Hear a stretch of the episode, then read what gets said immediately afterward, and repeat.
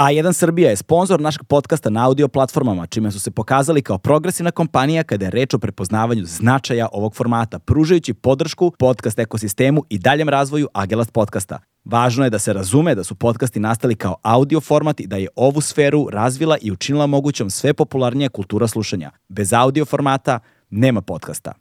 Legend Worldwide je domaći modni brend prepoznatljiv po džinsu i stilu, fokusiranom na stvaranje smirenog dizajna sa prizvukom modernog nasuprot bezuslovnom praćenju modnih trendova.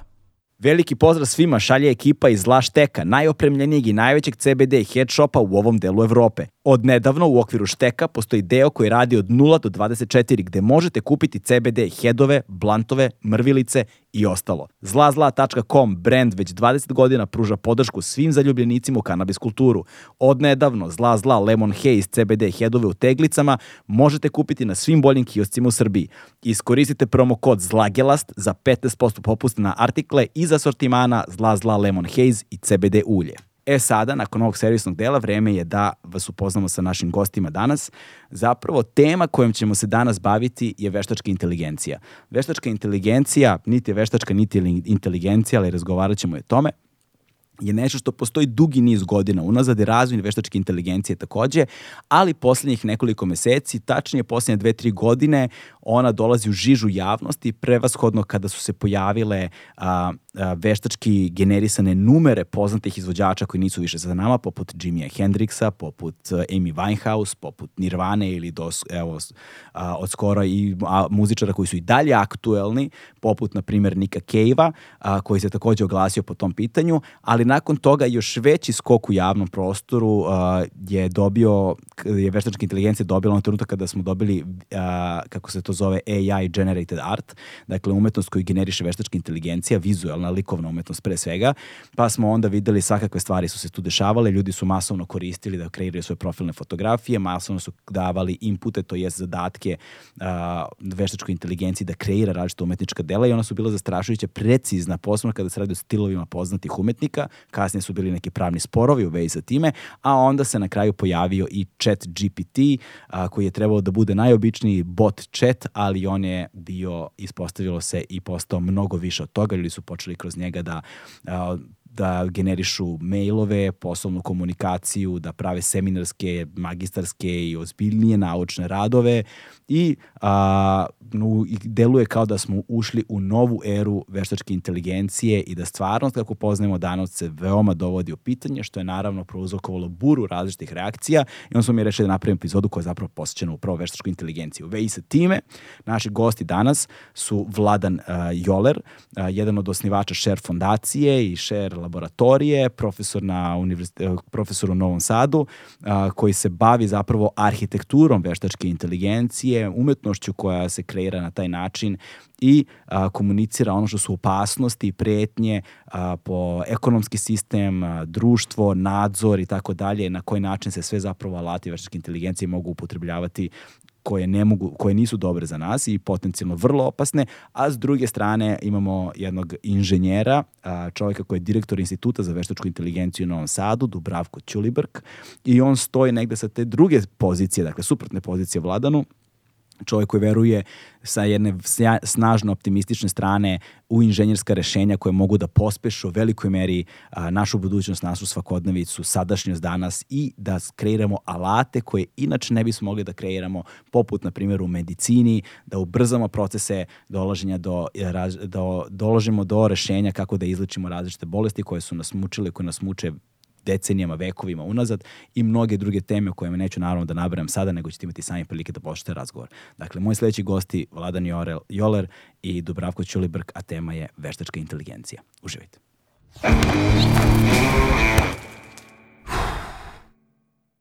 Hmm.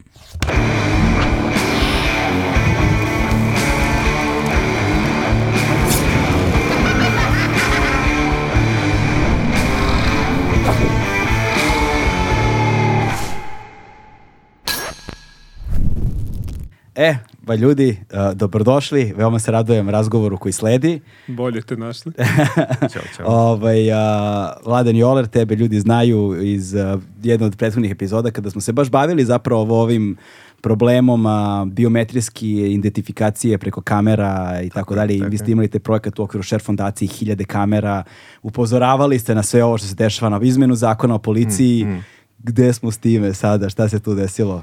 Pa to je ono, jedan opšti raspad kao i dalje, ali mi nekako uspevamo. Evo sad i ovaj drugi put smo Mm. nekako uspeli da to kanališemo u pravcu da se to opet obori, tako da ovaj, eto, dešava Da. se. Ali baš sam čitao juče da, interesantnu priču u, u Rusiji vezano za to kako su u stvari sad spojili taj face recognition sa regrutacijom. Au, I ja. baš je hardcore priča, baš je ono, baš je teško. Da, prepoznavanje lica sa regrutacijom Da, ono, i da, onda te da, hvataju da, na da. ulici, bukvalno. Da, da, Lociraju da, te da, gde da, si. Da, da, da, da, da. Zajebano. To je meni nešto iz 90-ih ostalo kao jedan od ono zanimljivih sportova u preživljavanju, ono kao kako izbeći. Mobilizaciju. Da, da, da, da. da. I sada... Sada je ono postalo malo Orwell, SF. Orwell na Da, da, delu, da, da, da. Orwell, Orwell na delu. Ovaj, uh, dakle, jedan od osnivača Share fondacije, glavni u Share laboratorijama i zapravo ti se baviš nečime što je strašno teško opisati. Ja bih morao sad uzmem mobilni telefon i da pročitam. Mogu da uradim to? Ajde. Ajde, čekaj, da, ja sam to. Da, Ja, ja to čekam, ja ni ne znam. da, da. da. Ovako, Ja ću se obradovati. Evo ovako, izvinite, molim slušaj ovako. O, Dakle, osnivač Share fondacije, to smo rekli, profesor na oceku za, neke lik, za nove likovne e, medije Akademije umetnosti u Novom Sadu. Smo to rekli, nismo, ali dobro, to, no, ok. Vodi Share Lab, to smo rekli, istraživačku laboratoriju za proučavanje podataka usmerenu ko istraživanju različitih društvenih i tehničkih aspekata, nevidljivih infrastruktura, algoritamske transparentnosti, eksploatacije rada i mnogih drugih fenomena nastalih razvojem upotrebom savremenih tehnologija. Ta, ta, ta, to, ta priča ti je ono so five years ago, taj tekst, ali, ali, ali, ali tu smo negde, ono, tema je i dalje, ovaj, uh, manje, više nisam toliko sad u, u, u šeru, mi smo tamo, tamo sam nešto kao u upravnom odboru, ali sad tako radim neke one te velike kartografije, neke mape, čudne. Da, da, da, da, da. E, ovaj, sa tobom ti si, ti si prvi put sa nama ovde. Neko je baš uporan sa ovim zvonom, brate. Poštar zvoni, ne zvoni dva puta, nego zvoni neko kao, jednom dugo. da, nego kao manijak zvoni, ono.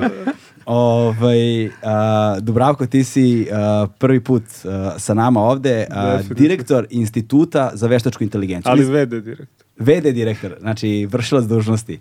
Što vršilac dužnosti? Pa tako, ovaj, nije postao institut kad je osnovan, pa je, ovaj, tako su me naimenovali i sad u nekom momentu trebalo da konkurs, pa... A po vakaciji si? Inače sam, ovaj, šta sam ja, bog te? A, u stvari sam računarski inženjer, to je doktor računarske tehnike, a profa sam isto na FTN u Novom Sadu. Šta znam, na LinkedInu mi piše da sam ono computer vision AI guy, što je verovatno kako ja sad sam sebe vidim. Eto. Kako bi to preveo na srpski? A, pa, computer vision je računarski vid, a AI je veštačka inteligencija. Veštačke inteligencije. E, danas ćemo zapravo da govorimo o veštačkoj inteligenciji, jer a, čini mi se da je pravi trenutak sada. Nekako dugo se o veštačkoj inteligenciji govori, na razvoju tehnologije se radi decenijama unazad, nije to ništa novo i pričat ćemo dakle o tom istorijatu. Ali prvi put mi se čini da je ono probio u mainstream.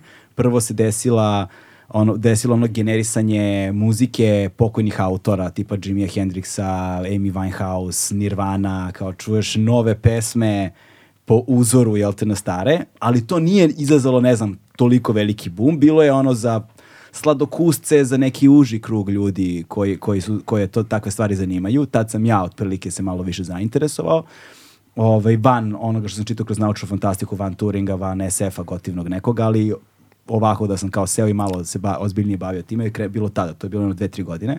Potom se desio uh, AI generated art, dakle, uh, kada je veštačka inteligencija postala dostupna ljudima da generišu umetnička dela i tu ima vrlo zanimljivih tema, posebno kad je copyright u pitanju, od, razgovarat ćemo o tome, a onda se desio chat GPT, jel te, koji zapravo nije toliko nova tehnologija, ali ovaj, javna upotreba, svi su poludeli i mislim da je to trenutak kada su ljudi pitanja veštačke inteligencije počeli prvi put negde ozbiljno da doživljavaju i u velikoj meri sa- saznaćemo da li je opravdano ili neopravdano sa nekim strahom, strepnjom ili kako bismo to već mogli da nazovemo.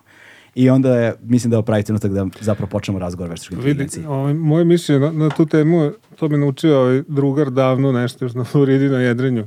Kad misliš da je vreme da smotaš džibu, ono prednje ovaj, jedro, to znači da si već trebao da smotaš. Tako da, ovaj, mislim, uvek je dobro vreme da se razgovara o tome po meni, a, a svaka ta tehnologija koju se spomenuo nekako je bude ona u radovima i, i, i u istraživanju godinu dana, dve se krčka, dok nekako se ne napravi neki portalni interfejs da mogu, može svako da isproba i onda počne da bude ovaj, vrlo zanimljivo.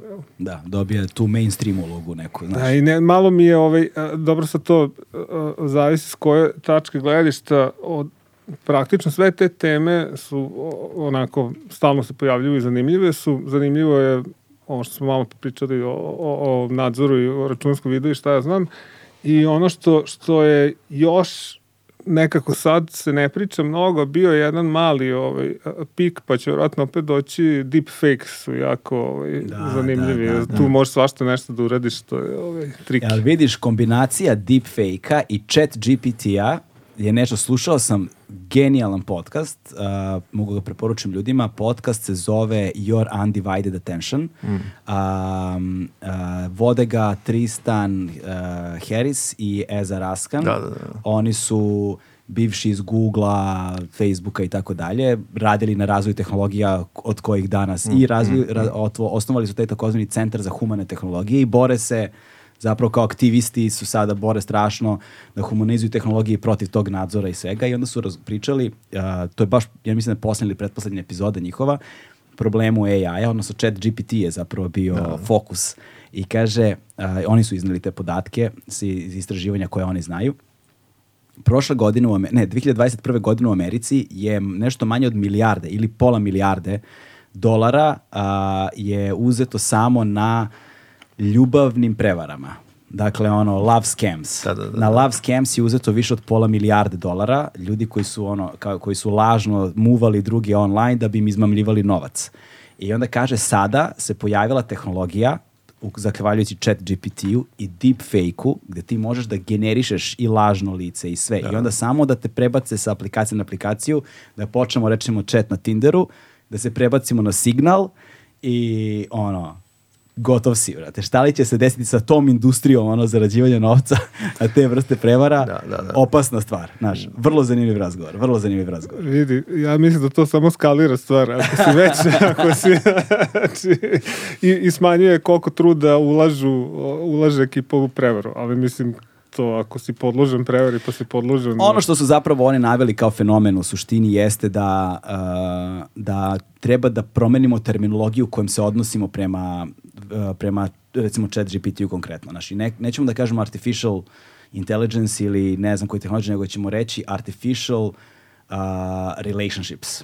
I kada mhm. promeniš to, ti zapravo razotkrivaš odnos čoveka sa ono, tehnologijom u kojoj počinjemo da kreiramo odnose i veze i partnerstva da, da. koje mogu da prouzrukuju neke dublje psihološke ono probleme i, i tako dalje i tako bliže. Ali hajde da, znaš, ono... što, što se mene tiče, to je human computer interaction.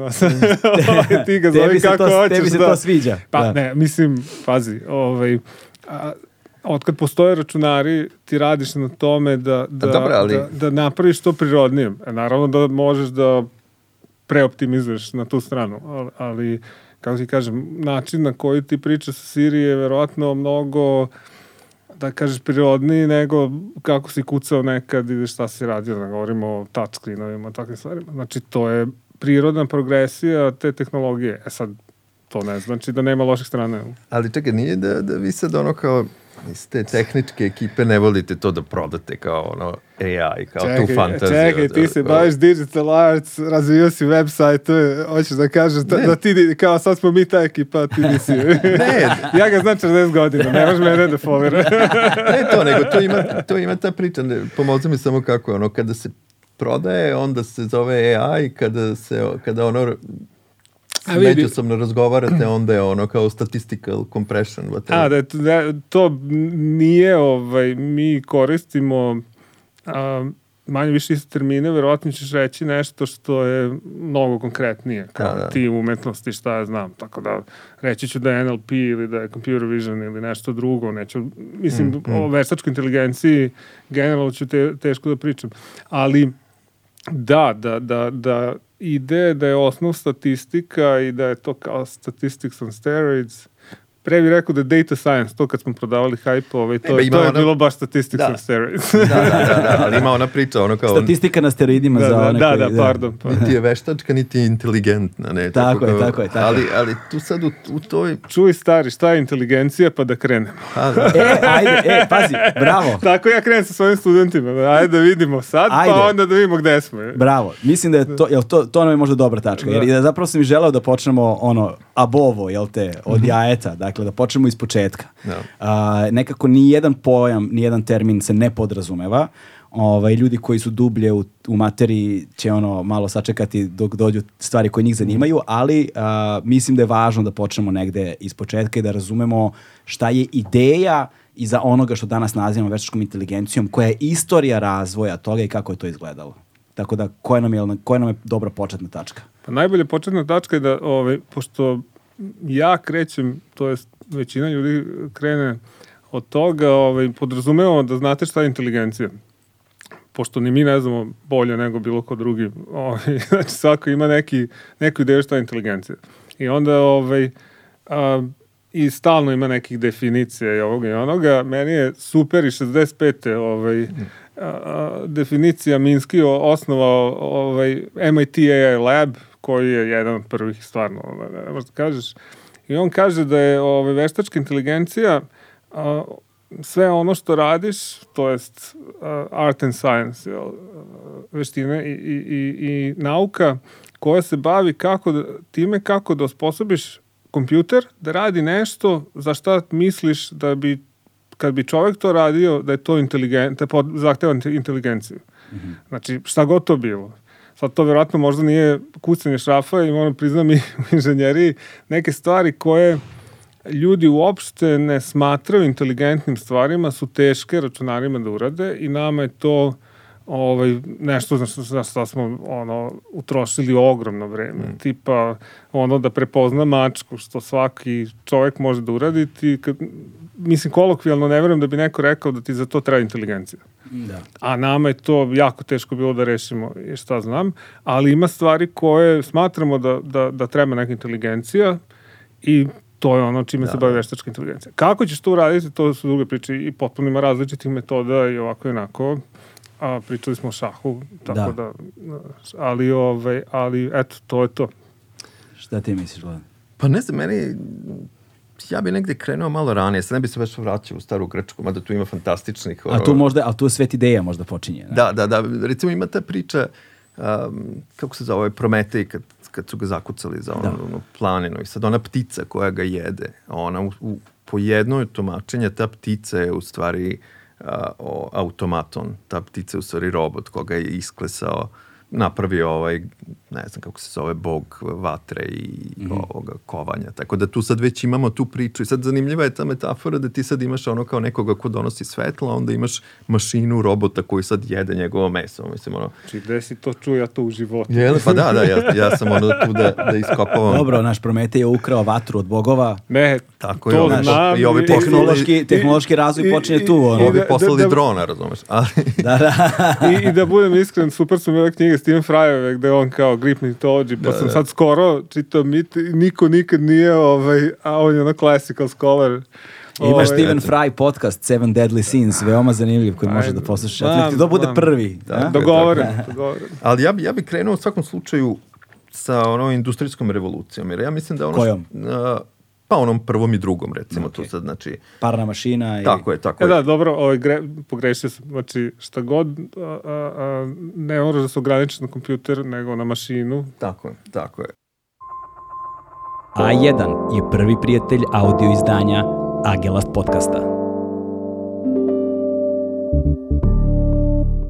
Ali, ovaj, i sad ono što je meni tu, kada pratimo čitavu tu priču, meni tu jeste inter, interesantna odnos kada se u stvari pojavljuje ta ideja ne mašina kao čovek, nego čovek kao mašina. I one u stvari, te dve priče idu konstantno zajedno. Znaš, ta je ta, ta fantazija o tome da sad ljudi počnu da se, da se ovaj, ponašaju kao mašine i to je jedna tipično ovaj, hajde kažemo, produkt ono kao nekog, ajde kao kapitalizma i industrializacije i itd. jeste u stvari ta ideja da ti sada imaš čoveka koji je deo nekakve mašine.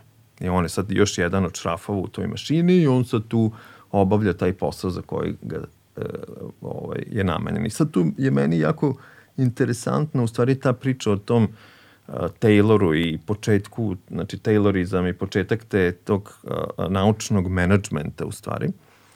I to je nešto što može da se preslika, ja mislim, jako dobro posle na, na priču o veštačkoj inteligenciji, jeste ideja da kaže ovako, ajde mi sad da organizujemo rad moj, tvoj, bilo kakav, tako što ćemo ga iscepkati na, na sitne komadiće i pretvoriti svaku od tih momenta u neku u neki algoritam, u neku instrukciju. I onda kaže, ok, ako treba napravim jednu cipelu, ja to je sad se ti ovo, pa ovo, pa ovo, pa ovo. I sad na kraju kad ti to razbiješ na sitne delove, ti dobiješ gomilu nekih instrukcija za koje ti više ne treba ni ovaj umetnik koji pravi cipelu, ni zanatlija, nego ti treba jednostavno gomila nekih ljudi koji će sad slediti neke određene instrukcije, ali tako? I Proces to, proizvodnja automata. Tako je. I to je nešto što vrlo malo prethode. Sada je pitanje da li je ono kao Ford ili je Taylor tu negde postavio tu priču. Ali Ford je poznati. da, da, ali, ali, je, ali je to pojenta. Sad ono što se tu dešava jeste u stvari ekstrakcija ljudskog znanja. Gde ti sad ekstraktuješ ljudsko znanje, znanje majstora, i pretvoriš ga u set instrukcija. Kad si ga jednom pretvorio u set instrukcija, ti sada možeš lakše bilo koji od tih segmenta da automatizuješ. I sada onda krene, ok, sada je ovo linija, sada je ovo robot, sada je ovo, ovo, ovo i na kraju ti dobiješ u stvari taj jedan sklop koji je kombinacija instrukcija, ljudskog rada, dehumanizovanog rada, robota, ovoga, onoga, automatizacije, što najbolje ti sad vidiš recimo u tima, ne znam, Amazon, onim skladištima da imaš robote, tra la la la. E sad, meni je tu taj deo sa tom automatizacijom, u stvari, ja kad razmišljam o, o to kao veštačkoj inteligenciji, meni su to bitne, to mi je bitna dijagonala u stvari. Šta se tu tačno automatizuje? I drugo bitno pitanje, ali to možemo možda šire o tome pričati, ko?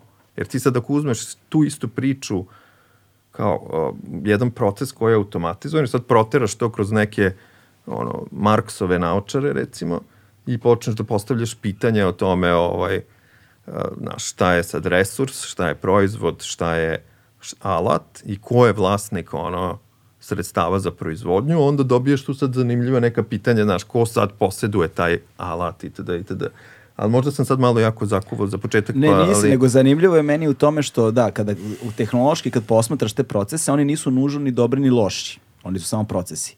Ali kada ih smestiš u narativ, kao što si rekao kroz Marksove naočare, onda dobiješ jedan vrednostni sistem, dobiješ klasnu podelu, dobijaš dinamiku okay, moći. Ja, ja, ja, ja, ja, sve, sve super, ali ovaj ali, da ali ja. but. Izvolite, ovaj, ne, ne, super, o, hvala profesor. ne, ne, a, meni je to okej. Okay. A, a, ono što, što, što ja mislim da je Oliver često on, on a, ima taj bias da to gleda odmah kroz bias, proizvodnju. A, polari, polarizovanje, pa, pa gleda uvijek proizvodnju šta znam, on, dok on priča, ja razmišljam, to ti recimo kako dobiješ svaku bolničku proceduru. Mm -hmm. koja je tu da bi ljudi koji možda nemaju taj nivo znanja šta ja znam, A, mogli bolje da izleče nekoga, B, a, a, da bi moglo da se isprati šta se dešava i ovakve i onakve stvari. I a, potpuno se slažem, apsolutno treba pogledati i razložiti to i, i shvatiti i u svakom poslu koji radimo, ali kroz Marksove naočare propusti i, i ovo i ono, pa da tako, vidimo. tako je, tako je, tako je, tako je. Tako je. Da, Ali da. tu ima sad uh, ono što, to se dosta pominje, ta priča o tome, o, o neutralnosti tehnologije, to kao sve tehnologije su neutralne, samo pitanje u kojim rukama.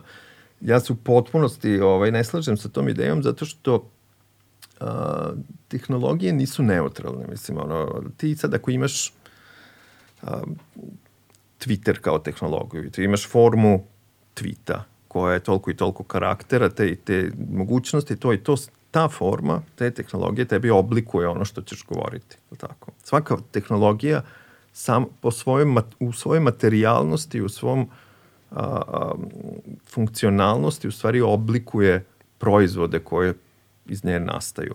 Ti kad si imao a, a, ploču, kao tehnologiju ti nisi imao tu, taj bas koji imaš sad danas na, na digitalnom formatu. Zato što je materijalnost te tehnologije oblikovala u stvari spektar zvuka koji je moguć u ploči da se zabeleži. Znači svaki medij aktivno učestvuje u oblikovanju realnosti.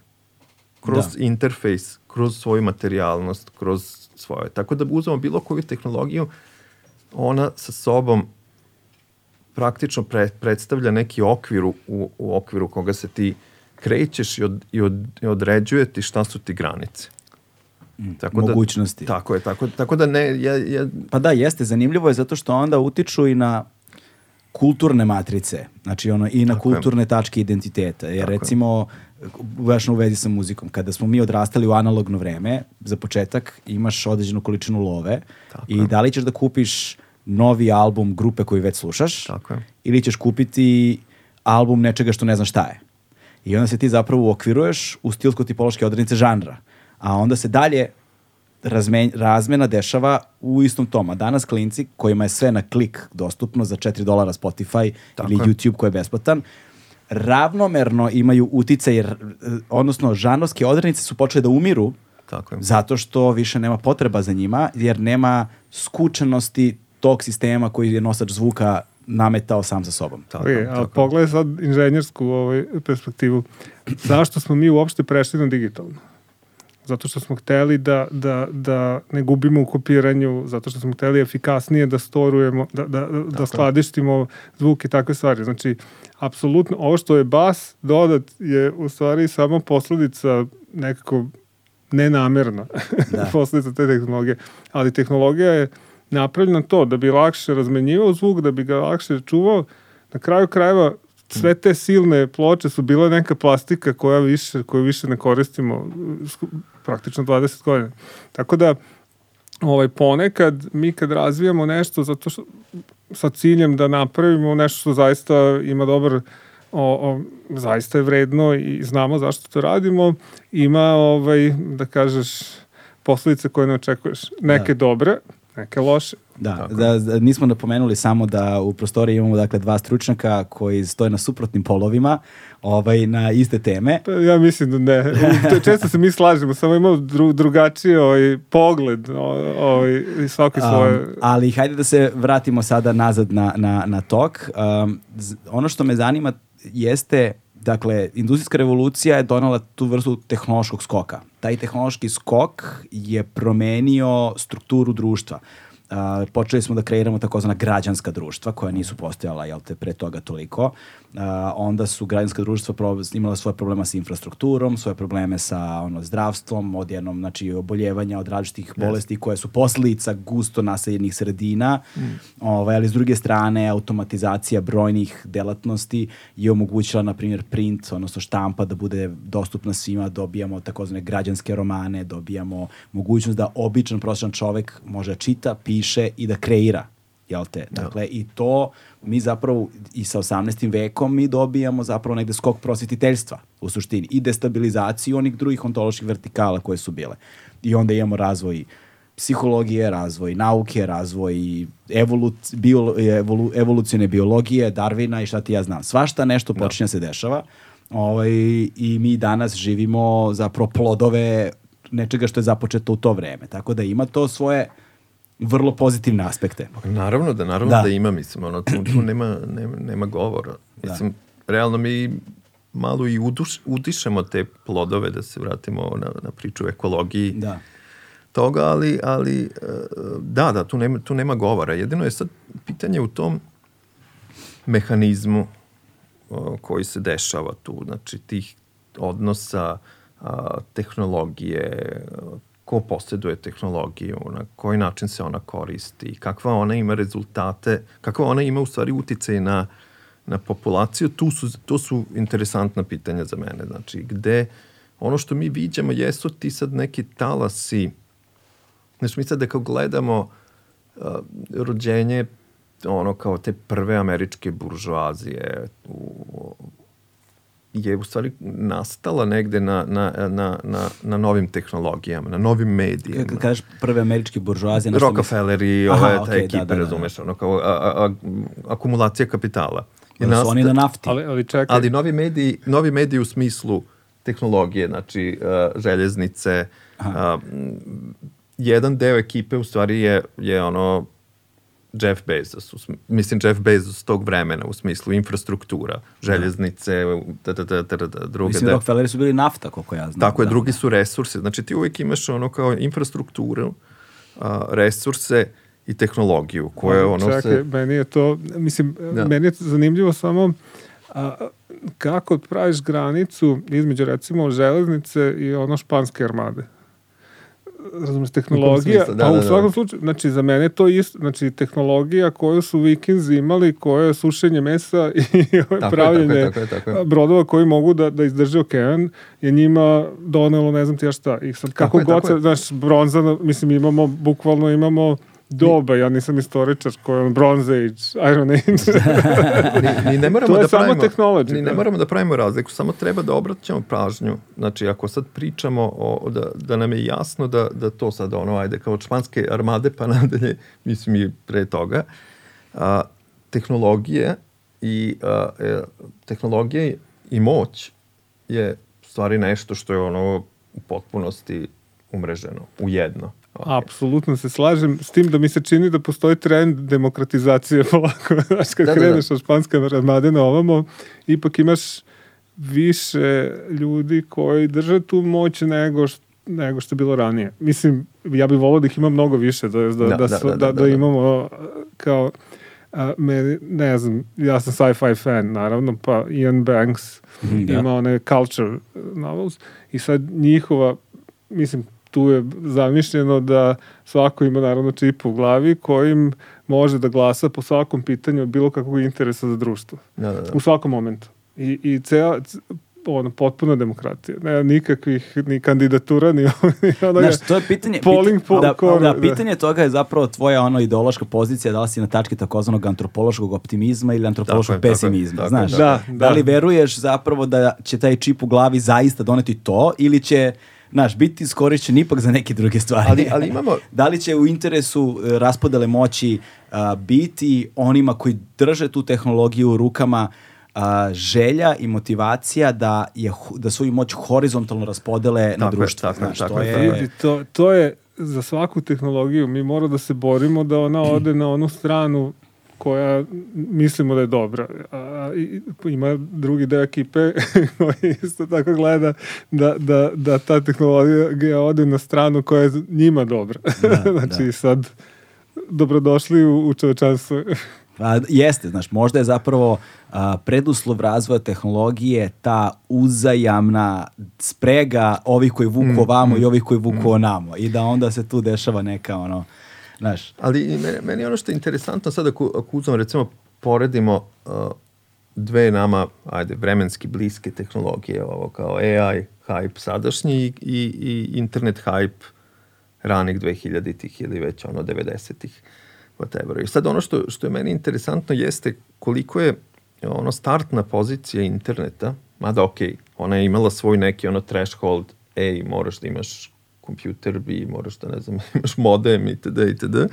Ali negde ta osnovna arhitektura toga, ili ajde da kažemo zakoni koji su utkani u, u, u protokol, protokole interneta, Dobro. tako su vrlo, u smislu bili demo, ono, vrlo otvoreni u smislu, ono, svaki nod ima jednaku moć Ne, kao okej. drugi mod. Samo čekaj, čekaj, čekaj, čekaj. I sad, ok, i jedan startni. I sad premotamo, ne znam, ono, 20 godina kasnije, šta se desilo sa tom ono, tom pozicijom u kome svako od nas televizor, svako od nas ima tu moć itd.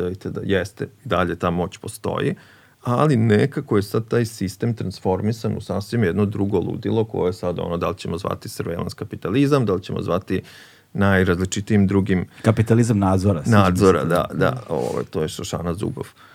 I ovaj, znači, ta moć kapitala ili whatever transformiše tu jednu startnu poziciju koja je ono postavljena, barem kroz protokole, barem kroz mogućnosti toliko onako široko, se transformiše sad u nešto drugo. A sa AI, sa ovom sadašnjom pričom, starting pozicija je u potpunosti već izgubljena.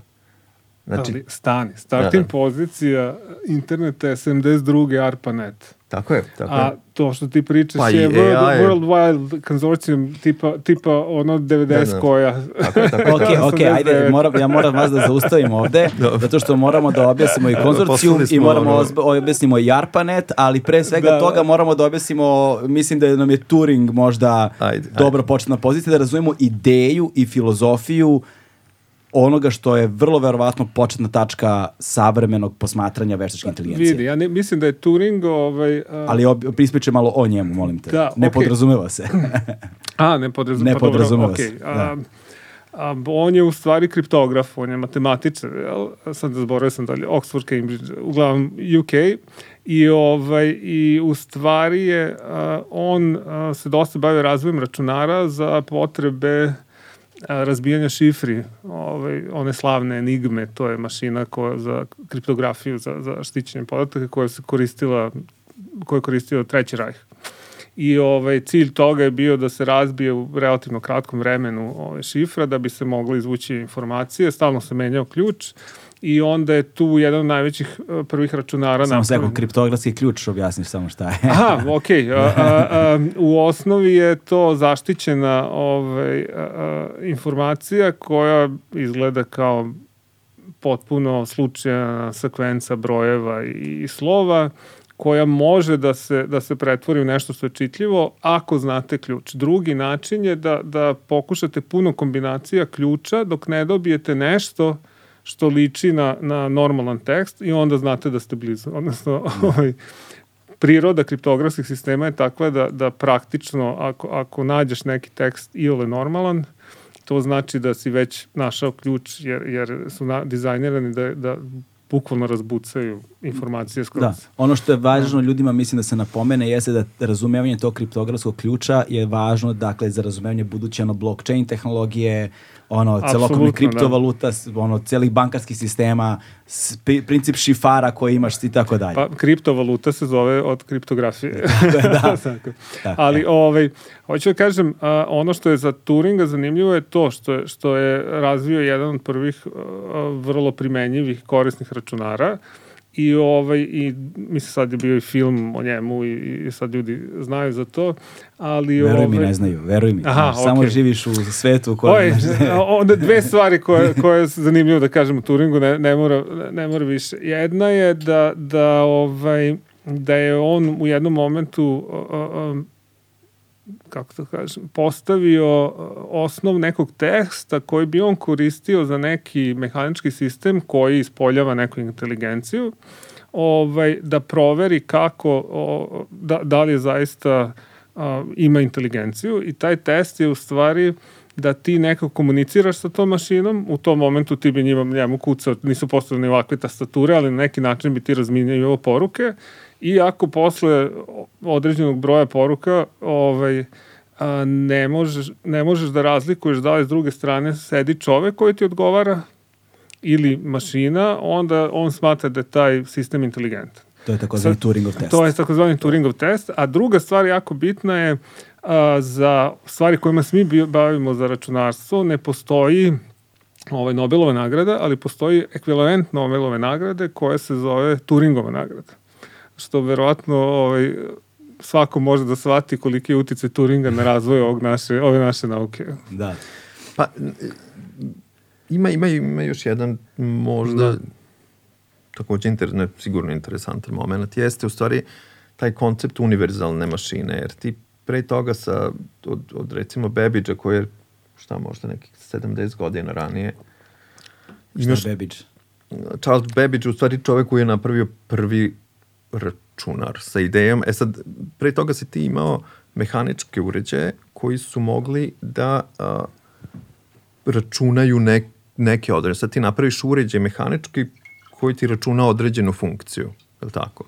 E sad, Bebić pa posle u stvari sa, sa Turingom je osnovna, osnovni koncept jeste ajde da napravimo mašinu koja a, a, neće raditi samo jednu funkciju, nego ćeš ti praktično moći da je programiraš da radi različite funkcije i to je epohalna razlika. Znači, ne mašine koje su napravljene za nešto, nego mašine koje mogu da rade šta god hoćeš. I odatle ti u stvari ide i rođenje od, od Babbage pa posle ovaj, Turinga u stvari uopšte programiranja kao, kao koncepta jeste kao i ovaj tako da, da je po meni to, to univerzalna mašina da. kao ideja u stvari najradikalniji koncept i one u stvari one, one tu čitavu priču sa kriptografijom u stvari reši uz pomoć ajde kažemo prelomio se tu negde oko... oko da, okej, okay. znači oko... on je imao raznih radova, nisam siguran da taj ovaj, baš previše, ali, ali da,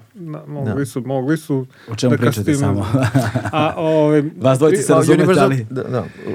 A pričamo o tome da, da, da ovaj, praktično ono što je njima trebao je konfigurabilan sistem za izračunavanje, pa je ovaj, a ekstenzija toga su računarski sistemi kakve mi sad znamo koje u principu programiramo. Većinu programiramo, moram da kažem da ovi najnoviji ovaj, AI sistemi jako vrlo slabo prate tu logiku.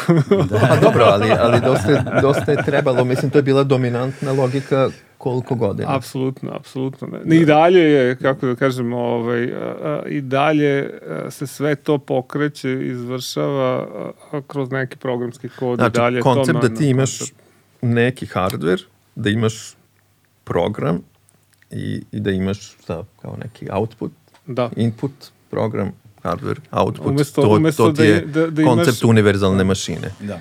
I onda smo se pomerili, dakle, s ideje o namenskim mašinama ka univerzalnim da, mašinama. Da, tako je. Da, što je dosta radikalna ideja s obzirom na vreme u kojem je, kad, kada, je, kada je ona nastajala.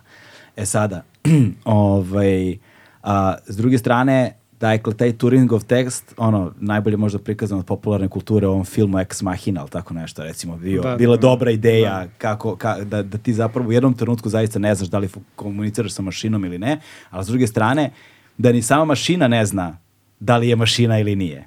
Znaš, tu dolazimo možda i do te ideje... Pa Blade Runner isto, ne? Pa, ali ne, ali... Pa i Blade Runner jeste na nekom nivou, da. Ček, polako. Znači, meni je to super kako vi skočite od toga, od nečega što je programirano da radi nešto na, na, na nešto što ima svest, koji mi ono, apsolutno ja, ja ne znam još niko ko zna šta je svest. Dobro, pričamo o filmovima. Ne, pričamo o filmovima. Okay, pazi, znaš, znaš, znaš čega? Da, dobro. Izvini, ne, sam, ne samo o filmovima, nego, zaboravio sam ime tog čoveka koji je radio u Google kao jedan od programera. Kako Jeste, ja sam zaboravio. Da, njego, da, znaš na koga mislim. Da, da, da. Ono što je zapravo bila fora kod njega jeste što je on kreirao jel te, odnos, relationship, dakle odnos prema sistemu sa kojim je radio, u kome kreiranje tog odnosa je nešto postao toliko snažan i dominantan u njegovom životu, da je ove druge odnose podredio tome Tako, da. i postavio ga prioritetno iznad i nazvao ga nesrećno svesnošću ili inteligencijom ili čime god. Ali on je otišao toliko daleko u tome da bio spreman da rizikuje svoju karijeru i, svoj, i, ono, i svoju reputaciju i celokupan svoj socijalni kapital i svašta nešto zarad onoga što je on intuitivno, emocionalno, subjektivno u velikoj meri osjećao. Znači, to je ono čemu Zaljubio se, brate. Zaljubio se, brate. Kao što je, ima i onaj film Her, se Her zove beša, tako. tako. Ali, Zaljubio ne, ne, se čovek. čovek. Ne, meni je to super, ali ovaj, kad malo bolje, ne bih sad da, da pričam, ali ljudi se zaljube u svašta. Pa jeste, jeste, ali ovo je vrlo da, simptomatično da, koji čovek čime se bavi. Da, znaš, da, da, da, zašto je to odjeknulo kao vest? Da, Ipak da, govori da, o nekakvom, znaš, okay, žarištu. Pazi, to ima, ne znam kako se zove ta, ovaj, a, a, a, kako se, taj film iz 80-ih, ali znam da Inex imao Super Suicide Blonde, da, pesma je soundtrack, soundtrack za to, gde oni kao na kompjuteru naprave savršenu plavušu, tinejdžeri, pa... da, da, da, da. da. Mislim, a, a, kako da kažem, ovaj, a, mislim da definitivno postoji gomila ljudi, između ostalih i, i ti koji o, love scams, pa preko interneta, pa, pa ono, to ti govori da, da naravno da možeš takav odnos da napraviš sa tehnologijom, što je tehnologija naprednija, toga je verovatno lakše formirati. Zato tu i Ne znam da je to ni prepoznajemo... loše ni dobro. Ne, ne, ali, ali prepoznajemo opasnosti. Prepoznajemo vrlo očigledne opasnosti i onog trenutka kada takva tehnologija uđe u populaciju, u opštu populaciju, kao nešto što je vrlo, što bi rekli ono UX, jel te user experience, nešto što je jednostavno za korišćenje, š- intuitivno za korišćenje i što može vrlo lako linijom manjeg otpora da zapadne u organizovanje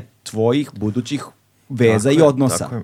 Ali Znaš, čekaj, to je ono... Ali to od- se dešava od, sad. Od, od, od, SMS-a, mislim, dešava se sad, ali dešava se zadnjih, koliko, 10-15 godina. SMS poruke, ne znaš šta, pa Twitter, pa ne, Tinder, pa, na, znaš... I mi ono- imamo epidemiju o, ono, o bolesti zavisnosti Aj, od društvenih mora, mreža. Moram dve stvari da kažem. Jeste. Jedna je, prvo, ja zaista mislim i, i, i internet i, i, i AI, ja samo to, ja to sve smatram razvojem računskih sistema i tehnologije e, generalno. što znači, uopšte, jeste, ono, ne, to nema jeste. šta, to je to, samo su različiti aspekti toga. To je jedan deo, a, i, i onda kad pričamo, obično, ovaj, a, imali smo par nekih konferencija, pa ja vidim da ljudi- sad dobra stvar je što, što nekako sa veštačkom inteligencijom iz priča, iz filmova, pa ljudi imaju odmah, imaju neki jak stav i šta ja znam. Ali u stvari tehnologija kao takva utiče na život, ko što kaže i Vladan, ovaj, odavno i ti e, apsolutno nema to veze dalje AI ili internet ili šta drugo. Mi moramo da pazimo šta radimo s tehnologijom. Tako je, ali, ali- to nuklearna tehnologija je isto Ali tako. neke tehnologije, kao što se rekao nuklearna recimo, je malo opasnija od Apsolutno. drugih. Neke tehnologije su malo, malo zeznutije, pa onda ako nam se pojavi nuklearna tehnologija, pa onda nam treba par godina nekog ono hladnog rata dok ne dođemo do momenta da kažemo ok, sad smo se svi istrošili iz ove priče i pobuj- poubijat ćemo sve i sad ćemo da napravimo neki ono triti malo da to spustimo. Da. Neke Sti- tehnologije su malo, malo, Jeste, ali, malo zajebanije ali, od drugih. Evo, let, A, me, let me pitch you this. Da, da li je ovaj, AI bez interneta i bez multi, ono, multimedije, bez Mhm. connectivity, bez po, povezanosti, koji je utjecaj AI? Bez interneta. Bez interneta, bez uh, povezivanja, bez tih podataka koje može da dobije sa Priča- jel- interneta, jel- jel koliko, koliko je opasan? Koliko je, koliko je opasan? Pa ja ni ne, ne ja, kad, kada mi pričamo o opasnosti, ja ne, znači ne projektujemo te priče, ono, mad- mada možemo i toga da se dotaknemo, ono, Skynet. upotrebe, ono, kao AI-a u vojne svrhe i to o čemu se vrlo malo priča. Da. Ok. Meni je ono što u stvari, ja to vidim u, u, u okviru Svaki put, ne znam, svaki put kad kažu AI, misle na veštačku inteligenciju. E, da, pardon. Da. ovaj, Mada to mene jako nervira. Ovde, često i, i kod nas kad pričaju uvijek govore AI, a u stvari da, veštačka, Veštačka inteligencija. Imamo mi ovde slušalce Da, da, da, različitih jasno, profila. jasno, jasno. ono što ja gledam jeste sad taj neki čudan moment kako sad te tehnologije oblikuju društvo i sad na koji način ta tehnologija će da, koje vrste promena ta tehnologija može da unese u, u naše svakodnevne živote, u naše društvene odnose, u naše radne odnose, u našu ono, ekonomske odnose. Ok, to me zanima. Ona te fantazije o tome me toliko mm, ne dodiruju. E sad, u tom smislu, a, ta, ta, hip, ta mogućnost hiperautomatizacije određenih stvari je meni jako interesantna. I tu vidim, kada pričamo o opasnosti, ja, ja gledam to. Gledam recimo moment u kome šta znači moment u kome ti možeš da ono proiz, hiper, napraviš hiper proizvodnju sadržaja. I gde, gde mi sad imamo čekaj, čekaj, gde, gde mi sad imamo moment u kome uh, postoji velika šanse da u sledećih par godina mi imamo ono hiperproizvodnju nekog uh, uh, generisanog, sintetički generisanog sadržaja u kome će nam biti sve teže i teže da utvrdimo šta je tu ljudski sadržaj, šta je Ajde, veštački, ajde ovako, šta je ovo, šta je ono. Jako, to su jako bitni momenti zbog toga što, što um, za par godina će biti jako teško, znači uopšte napraviti razliku između toga. Ali slušaj, znači, ja, Da. ovaj, moram da kažem, ja, ja ovaj, uvek sam bio to preduzimljiv, uvek sam imao neke startupe i dalje ih imam i tako. Ovaj, ova tvoja hipoteza super, ali ne treba ti uopšte hiperprodukcija sa, sadržaja da bi je testirao. Dovoljno da identifikuješ određeni broj sadržaja napraviš, vrlo mali, ne nešto suludo, i da identifikuješ kome to da plasiraš. To je tehnologija koja postoji. Ako hoćeš da vidiš najgore što može da se desi, time pogledaj ono Cambridge, Facebook. Cambridge analitika, Facebook sad meta što se rebrandira. Ok. Može se desiti da, da, da, na primjer, Brexit. Da. Tako je, tako je, tako je, tako je. Ili Trump. E, Znači, ta, e, bukvalno se to desi. Uopšte ti ne treba takva, ta, takav nivo, ko- ovaj, a, a, da kažeš, kastamizacije u- sadržaja, Upravo to, je to. Ne, prilagođavanje. ne treba mi i mi smo sada videli šta Teorije Da. zavere. Tako je, videli smo šta, šta ta vrsta a, a, distribucije i taktičkog nekog ono intervencije u, u društvenom javnom prostoru može da, da uradi. Ovo je samo alat koji to može da podigne na još viši nivo. Pa ne znam, ali znaš da Kina od 1. januara moraš da napišeš da je nešto AI gener, mislim, generisano veštačkom naravno, inteligencijom. Da, da. CBD je, pored THC-a, najistraženiji kanabinoid iz sveta industrijske konoplje. Samo što on nema psihoaktivno dejstvo. Mnoge studije potvrđuju njegove pozitivne efekte i pomoć pri problemu sa spavanjem. CBD ne uspavljuje niti omamljuje, ali je san čvršći i kvalitetniji. Tako reći, budimo se odmorniji. Ajde ovako, izvinite, Da. da. znači da, da se vratimo sad unazad, da bi ljudi mogli lakše da razumeju. Dakle, pričali smo o Alanu Turingu a, i pričali smo o Turingovom testu a, u kojem je, smo zapravo dotakli osnovnu stvar. Dakle, s jedne strane sedi čovek i kuca nešto za nekakvim računarom, s druge strane mu neko odgovara. U onom trenutku kad on više ne zna da li mu odgovara čovek ili mu odgovara mašina, mašina je položila Turingov test. Da, ali to je test iz 50-ih i sad, sad su, mašine su to već položile, sad se razvijaju novi testovi. Tako, e sad, ja sad hoću samo da mi idemo, ono, pratimo linearno, hronološki, dakle, šta je bio sledeći skok? Dakle, kada se dešava prvi sledeći tehnološki skok ozbiljniji? Pa, mislim, to je, Da li, To sa, je sa, da li sa nekako- silikonskim čipom, na primjer? Ne znam, znaš, pitam. Aha, ne, okej. A, razvoj računara, naravno, kad, kad su počele integrisane komponente, znači taj koji smo, o kome smo mi pričali je bukvalno imao kao lampaš po, pojačala, imao je tranzistore koji su lampe bili, ogromni su bili, šta ja znam, i dan danas to, to deca vole da čuju, mo, možda i šira publika. I dan danas mi kad imamo problem na kompjuteru ga zovemo bug, a u stvari zato što u tom momentu je moljac uleteo, čak je žena, programer ga izdebagovala, izvadila i spalio se između lampe. Mm. Mislim, prava buba. Ne, ne. Da, prava buba, pravi bug. Da. Da, da, tako da ovaj, takvih stvari uh, ima, uh, jako puno stvari se dešavalo, ono, ono što i kad pogledaš tih prvih, ne znam, 30 godina posle Turinga, šta ja znam, ono što se dešava u zadnjih 20 godina sa razvojem mikročipova, sa mobilnim, teh- tehnolo mobilnim tehnologijama, odnosno a, čipovima koji su morali da se razviju za, za takve stvari, to je, ne može da se poredi brzina razvoja. Ali ovaj, ok, silikonski čipovi e, koji opet izgledaju kao preistorija u odnosu na ono što ima svako od nas u, u svom telefonu danas. Ovo zaista izgleda kao preistorija, uključujući i to da imate sad, verovatno svi znaju taj VI, AI, šta god, Šta? a, a, da, da imaš čipove koji su napravljeni samo da bi, da bi a, radili sa novim algoritmima veštačke inteligencije u samim mobilnim telefonima iz razloga što ono kako sad mi radimo i, i, i, i nije više taj princip programiranja ovaj, koji smo ranije koristili i jednostavno arhitektura računara koje mi običajno koristimo više nije ta koja, koja je najbolja za, za, za rad sa uh, čipovima vešta, sa veštačkom inteligencijom. I doći ćemo i do toga.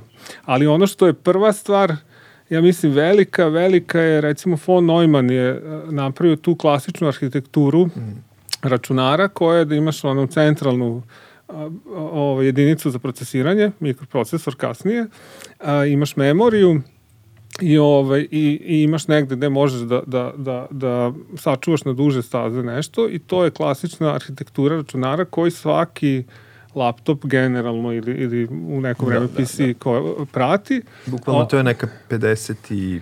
Da. recimo, gde, I, gde sad, ti sad ako uzmeš la, uh, kompjuter iz, ne znam, 2000 iz 90-ih, 2000 bilo koje, on ima sve te komponente koje on jednostavno dizajnira, dizajnira da, da, arhitekturu. Da, a alternativa toga su različite druge arhitekture, jedna koja je postala super zanimljiva i koja je, u stvari se desio o, o, kvantni reci, skok. Pa nije kvantni skok, ali desilo se da ljudi vole da igraju igrice.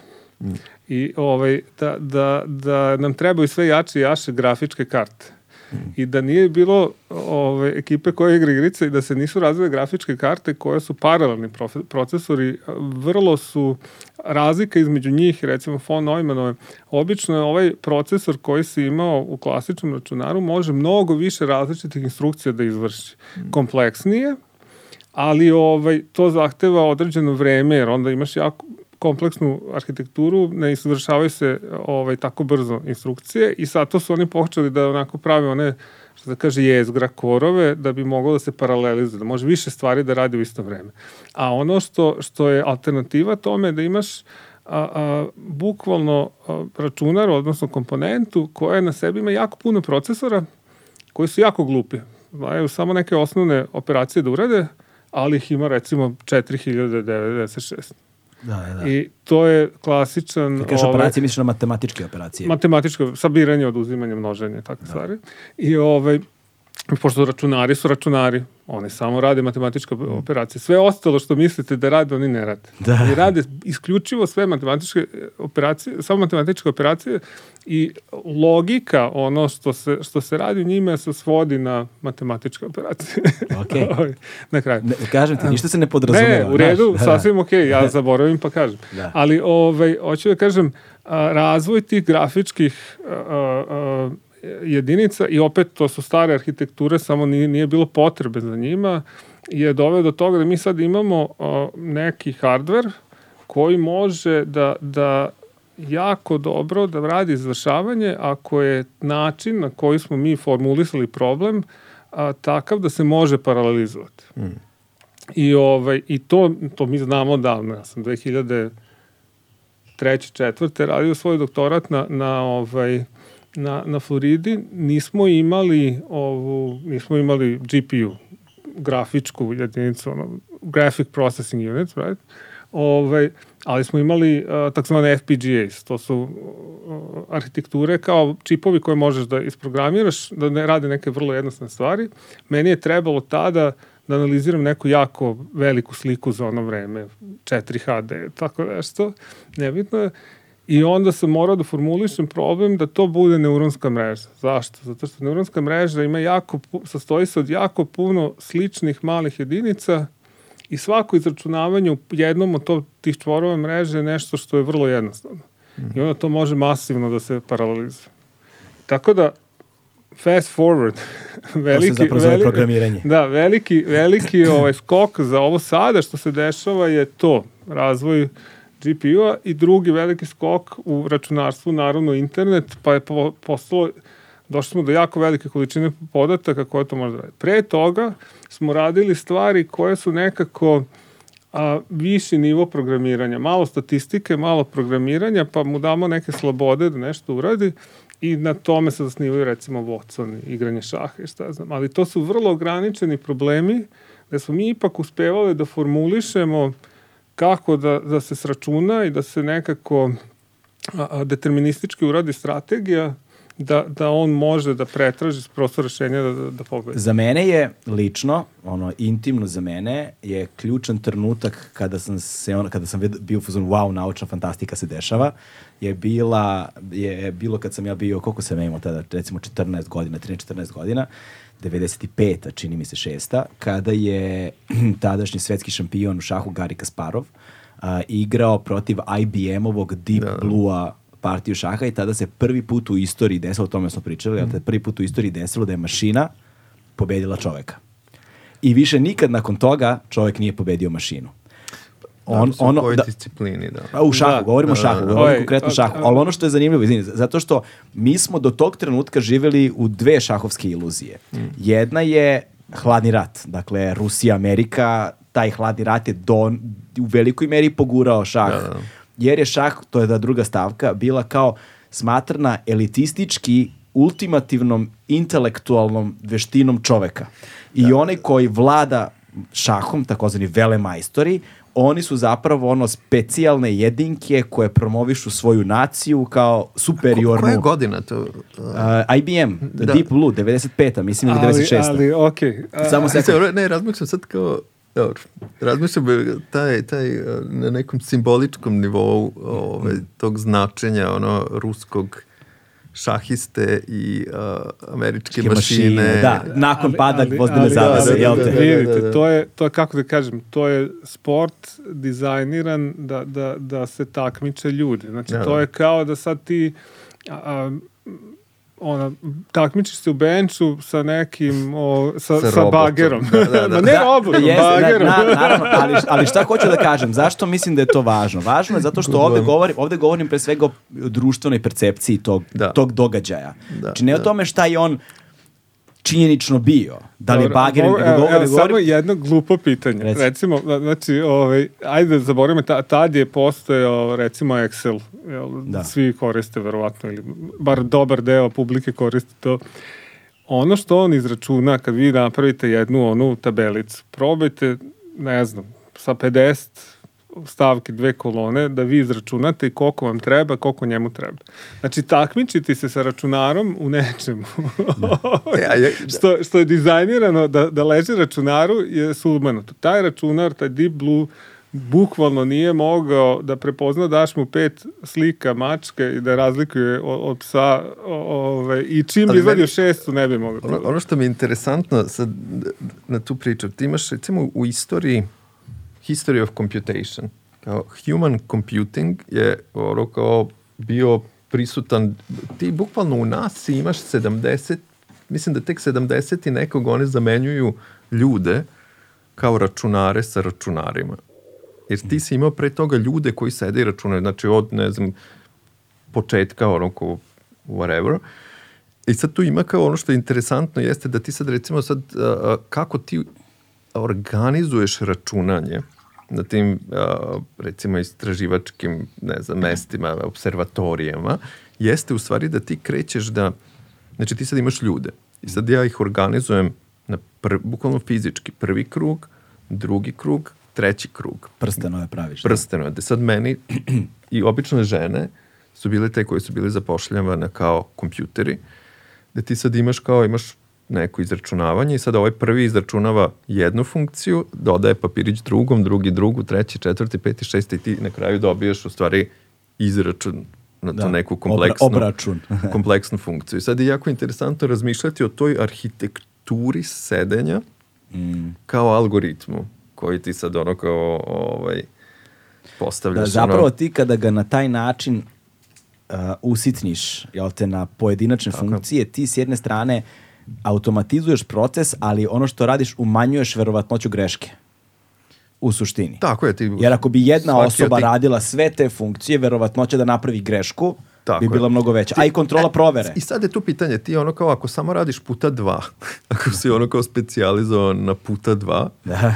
znaš, ako to postane previše dosadno, ti možeš da kreneš da praviš greške. Sad je to pitanje koliko ti sad održavaš ljudski mozak aktiviran da on sad nešto vibrira dovoljno da ti sad ne potoneš u, u puta dva. Vidi, vidi ovaj, jedna, i to ti je jedna od bukvalno stvari razlika. koje, koje računar dobro. dobro radi, nema dosada. To. Tako je, tako je, tako je. E sad, ali ono što, što- zbog čega meni Deep Blue i Gary Kasparov, zbog čega su mi zanimljivi, jeste što, ok, tehnologija je bila tu dugo, nije to problem. Stvar je u tome što način na koji je to upakovano kao događaj je nosio simboličku težinu koju Excel nikada nije imao. Tu ne, govorimo ne, o nemoj, paketu. nemoj, nemoj pogrešno da me shvatiš, nije tehnologija bila tu dugo, znači to jeste bio težak problem, znači tu, znaš i sam, u šahu ima sumanuto različitih kombinacija Beskonačno. i beskonačno. Tehnički beskonačno, ako, ako, ali... Zapravo, da. kompju- savremeni kompjuteri, da već pomenemo to, ako imaš seven or less pieces on the board, znači ako imaš sedam ili manje figura na tabli, tek, tek, tek sa sedam ili manje figura na tabli je kompjuter uspeo matematički da razračuna sve moguće kombinacije. Tako da ti čim povučeš jedan potez, kompjuter odmah zna da li si izgubio ili pobedio. Tako, da. tako da ti razvoj tih heurističkih... Ali sa sedam ili manje figura, znaš, ukupno na tabli. Hoću da kažem da tada, da tada isto uh, nije izvodljivo ni dan danas, a ne tek tada nije bilo izvodljivo ni blizu, da, Mm. da se isprobaju sve kombinacije, što je jedino optimalno rešenje. Da. I onda što, ono što ti radiš, radiš heuristiku, to su algoritmi koji na neki način imaju neka pravila i, i pokušavaju da, da odrede par koraka unapred ili zavisi koliko Imaš koraka, još drugi, ja, da ja bi ću stigao do cilja. Jel? Imaš ono, a, još jedan divno metafora, divan primer, mislim da je to vreme Marije Terezije i onaj Mechanical Turk, gde ti u stvari imaš kao spektakl, šta su to, 1800, kraj 1800, tih verovatno spektakl, ono, senzaciju, imaš automaton koji igra šah i koji pobeđuje ljude, razumeš, i, i ovaj, na kraju se, i to ide ono kao turneja po, po Evropi, ludilo, ono, mašine, to je taj, taj, taj, taj, taj san o, o, o, o to je kao me, ono mehaničkoj inteligenciji. I onda se ispostavlja da tu ispod toga sedi mali čilac koji nešto ono pomera neke ovaj, tu poteze I to je meni ono fantastična metafora za svu tu vrstu ono skrivenog rada koji se dešava iza tog ono ovaj, termina veštačke inteligencije, ono, tog, ono tripa o, o mašini i toga, ali ja, ja ću samo da ubacujem ono, metafore istorijske. Ne mogu protiv ovog ono tehničkog determinizma, ono moćnog da se izborimo. Jedino poezija. vidi, heurizam je, heurizam, onog momenta kad uđeš heurizam, to nije više determinizam. Znači, tu onda može svašta da se desi i u stvari je ono, i dan danas, mi u, apsolutno ne pokušavamo da to, da uradimo sve kombinacije nečega, da bi dobili optimalno rešenje. To su se inženjeri davno po, s tim ovaj, a, a, pomirili. Čak jako često idemo vrlo, vrlo jednostavnim strategijama. Ono, kao kad bi povukao jedan potez koji ti je tad, u tom momentu izgleda naj ovaj, bolje i to je to. A bazi ovako, ajde sad da se vratimo, pošto mi je ovo, to mi je bliska tema, pa Ajde. tu negde mogu da funkcionišem. Dakle, ono što je zanimljivo bilo sa dakle, Deep Blue-om u tom trenutku i ono što me sad zanima kao odgovor od tebe, dakle, s jedne strane, on ima veliku simboličku težinu, jer je to na neki način značilo kao mašina je pobedila čovečanstvo. Kao ljudsko biće, kao neki simbolički čin ultimativne inteligencije, odjednom više ne može pobedi mašinu. Tu se vraćam na onu priču o tehnološkom singularitetu. Mm. Mislim, na neke, ono, ono pop, populistički, znaš, ko, ko popularnoj kulturi. To je bio, neverovatno je, znači, ja kada, kada sam ja odrastao, svaki drugi klinac je ono pod miškom imao šahovsku tablu i išao u prvi razred, znaš, i bili su šahovske sekcije po školama, svako je umeo da igra šah. Narednih 20 godina ja nisam imao s kime da igram šah. Znači, prosto je šah izgubio je drastično na interesovanju, dok sada nije imao novu renesansu šahovsku sa serijom Damin Gambit, jer su svi počeli ponovno da igraju šah. Ali imaš ono rupu, jedno 20 plus godina da ga niko nije igrao. E sada, ono što je drugo bilo, mi smo sad tad sedeli, se, se, se, sećam se pričali, pri, pričalo se da je zapravo mašina to radila tako što su oni ubacili sve moguće partije koje su bile zvanično zabeležene odigrane, što mi zvuči malo nemoguće. Ovaj, I da je u odnosu na to birao najbolje moguće poteze. Ali moje pitanje za tebe je kako je, koji je, koja je tehnologija, koji je princip na osnovu kojeg je Deep Blue i uspevao, uspevao da pobedi najbolje šahistu na svetu i kako se to razlikuje od one tehnologije koju smo imali pre toga? Vidi, šta, šta je cela poenta šahovske partije i šta je tu teško? Apsolutno nije teško ovaj, a, probati neku kombinaciju. Je li tako? Samo što kad probaš više poteza unapred, to znaš sam, onda broj kombinacija toliko naraste da ne možeš sve to da isprobaš. I onda dil je u stvari kako ti nekako da, da sračunaš, da, da odigraš celu partiju i da sračunaš koliko ti vredi ovaj prvi potez, koliko ti nečega donosi, koliko te približava rešenju. I, ovaj, I to dan danas rade ovaj, svi, to se zove a, a, učenje podstice, reinforcement learning. Mm. Svi agenti tog tipa, i recimo chat GPT u odnosu na GPT ima taj moment da u, kroz interakciju pokušava kao da igra igricu pa da, da nekako poboljša tu interakciju, ali recimo sve ovo posle toga je Alpha Zero je po, ovaj, po, naravno šah, pa AlphaGo je pobedio i šampiona u, u Go koji je kao komplikovaniji. Svi ti algoritmi, uh, catch tu je kako da na jednom potezu a, a nekako izračunaš vrednost koju taj potez donosi na kraju partije. Mm -hmm. I to je jako teško. A onda možeš da ograničiš taj prostor šta pretražuješ ako imaš tu cifru. Jer ćeš onda razmatrati samo kombinacije koje ti par poteza napred donose neku veću nagradu. Mm -hmm. I u stvari, ali u tom momentu, znači, igrarija i kod, kod svakog heurističkog algoritma je kako da računaru numerički opišeš a, a, koliko vredi taj pomer. Mm -hmm. I to, to je to. I, sad, I dalje, to, to sad mi to radimo, sad umesto da probamo sve kombinacije, imamo neke neuronske mreže koje povlače te poteze i one se optimizuju i šta ja znam, ali, ali taj fundamentalni moment uh, reinforcement learninga, kasnije se to zvalo Q-learning, mm. ovaj, da, da, da posle nekoliko poteza možeš da sračunaš mm. koliko ti vrede onaj tamo, a da te to negde smisleno vode, tu je catch. Da, da. Ove, ovaj, jer na, sad ja razmišljam, recimo kada posmatraš Stockfish, Alpha Zero, te no. naš programa, oni imaju ono kao dubinu uh, ovaj procesuiranja, znaš, da. imaju dubinu procesuiranja. Tebi uvek kaže na potezu koji odigra do koje dubine otišao, znaš. Da. Zapravo onda kada recimo igra sa vele majstorima ili kad igra sa mnom, ti tačno vidiš ono sa mnom ode na dubinu, lupiću sada, znaš, 3, 4, 5, 6, ono kad mm. igra sa Magnusom Carlsonom ide na dubinu 36, znaš. Da, da, da. To ti govori razlika između mene i svetskog šampiona.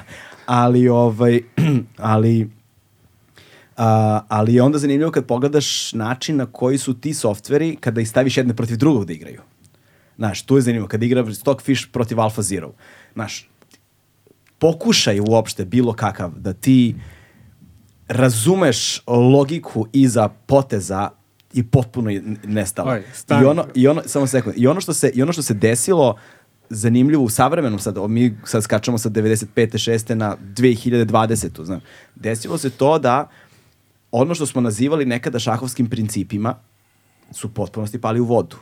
Znači, ono što, ono što kada se dođeš i odeš u šahovsku školu i učete ovako se povlače potezi, ovo su principi kada, šta i kako povlačeš poteze u, pod, u, u početnom delu igre, u središnjem e, delu završnici, to, to su ovi softveri to, totalno to je, razjebali. To je treća tačka singularite. Znači, a, internet i puno podataka, a, a, GPU i paralelno procesiranje, nešto što može da, da izračuna jako puno stvari koje su jednostavne.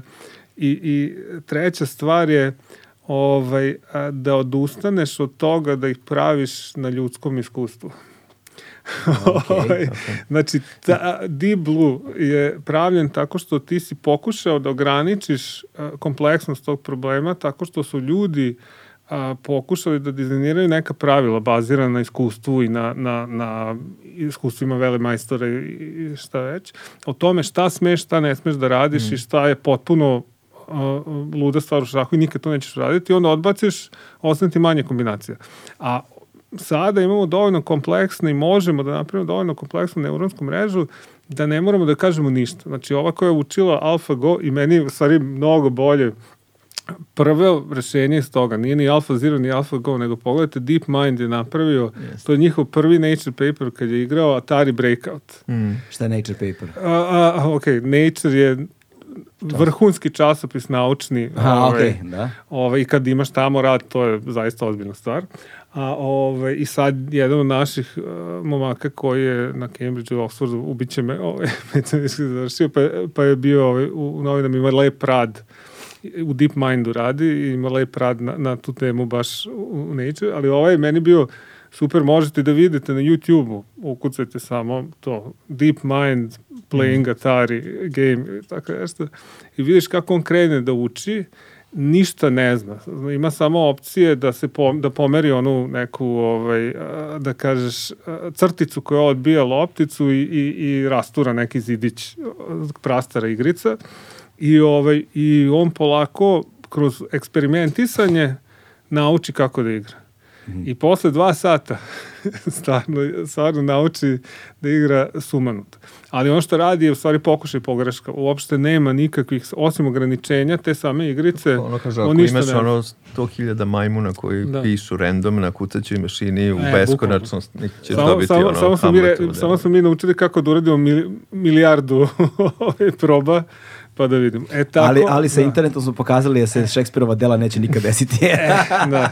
tu pada u vodu zapravo taj ono, taj, ali taj hoću da kažem, zato je ovaj, i to je meni prijatelj koji baš isto ovaj, a, a, a, voli šah i, i igrao je šta rekao da sad sa, sadašnji a, a, svetski šampion je rekao da mu je šah bio nekako dosadio i onda je počeo da gleda kako Alfa Zero igra. I, Tako i je, je u stvari njemu, njemu je tu bilo zanimljivo samo to što budući da ovaj radi bez ograničenja, ponekad povuče totalno sumanut potez Ne ponekad, sada ni- to radi non niko, stop. niko ne bi to uradio. I- inače i to sad rade njemu je non sad to zanimljivo. Meni je sad zanimljivo kako se desio obrnuti proces. Dakle, pošto je mašina počela da radi na taj način, Mm. ovaj, i velemajstori sada uče od mašine, sada se desio obrnuti proces. Sada ćeš sve češće u vrhunskim turnirima viđati kako sami velemajstori povlače potpuno sumanute poteze. Ali, ali, ali to čekaj, to, to je no, to je destilacija znanja, što kaže Olar. Znači, te, te, taj, ta pravila koje ste vi učeni su, ono, ne znam, hiljade godina majstora koji prenose skoro. Ali ono, što se, ali ono što se dešava među njima jeste da je prvih ogroman broj poteza prvih, zapravo uh, poštujući šahovske principe i poznavajući otvaranje šahovska tradicionalna i tako dalje. O, šah je u onom trenutku postao do same završnice memory game. Da. Praktično memory game. I ti ako igraš sa belim figurama, što znači da ti povlačeš prvi potez, ti imaš već ogromnu prednost. I na nivou vele majstora, kad imaš, kad imaš bele figure, sramota je da izgubiš partiju. Da, da. Znači nije bitno ko je preko puta tebe. Do, dotle došlo.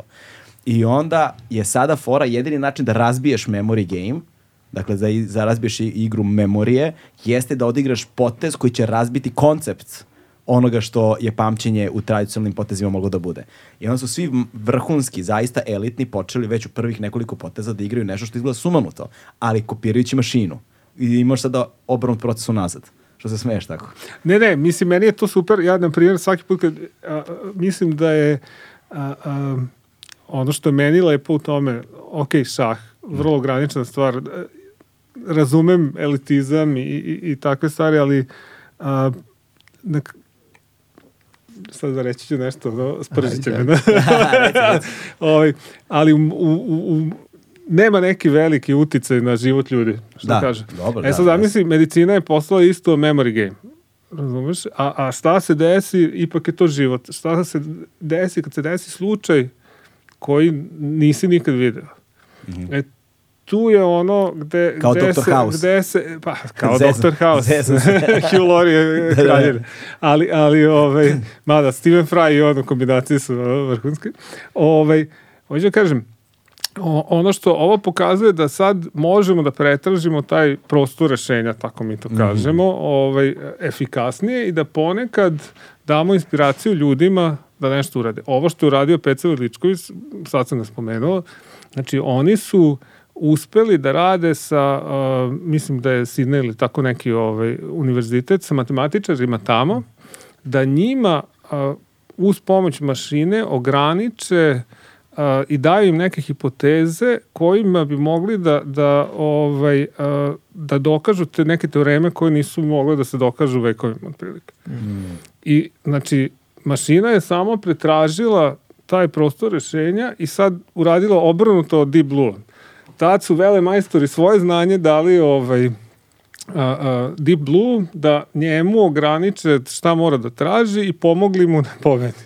Sada, sada ovi pretražuju, imamo više e, kapaciteta, pretraže prostor rešenja koje ljudi nisu mogli da, da urade, dovedu ih negde u blizinu rešenja i matematičar završi i dokaže. Sa tradicijom dugom skoro tri decenije, Legend Worldwide je prepoznatljiv domaći brend sa akcentom na jeans, pre svega, koji odlikuju bezvremenski, klasični modeli.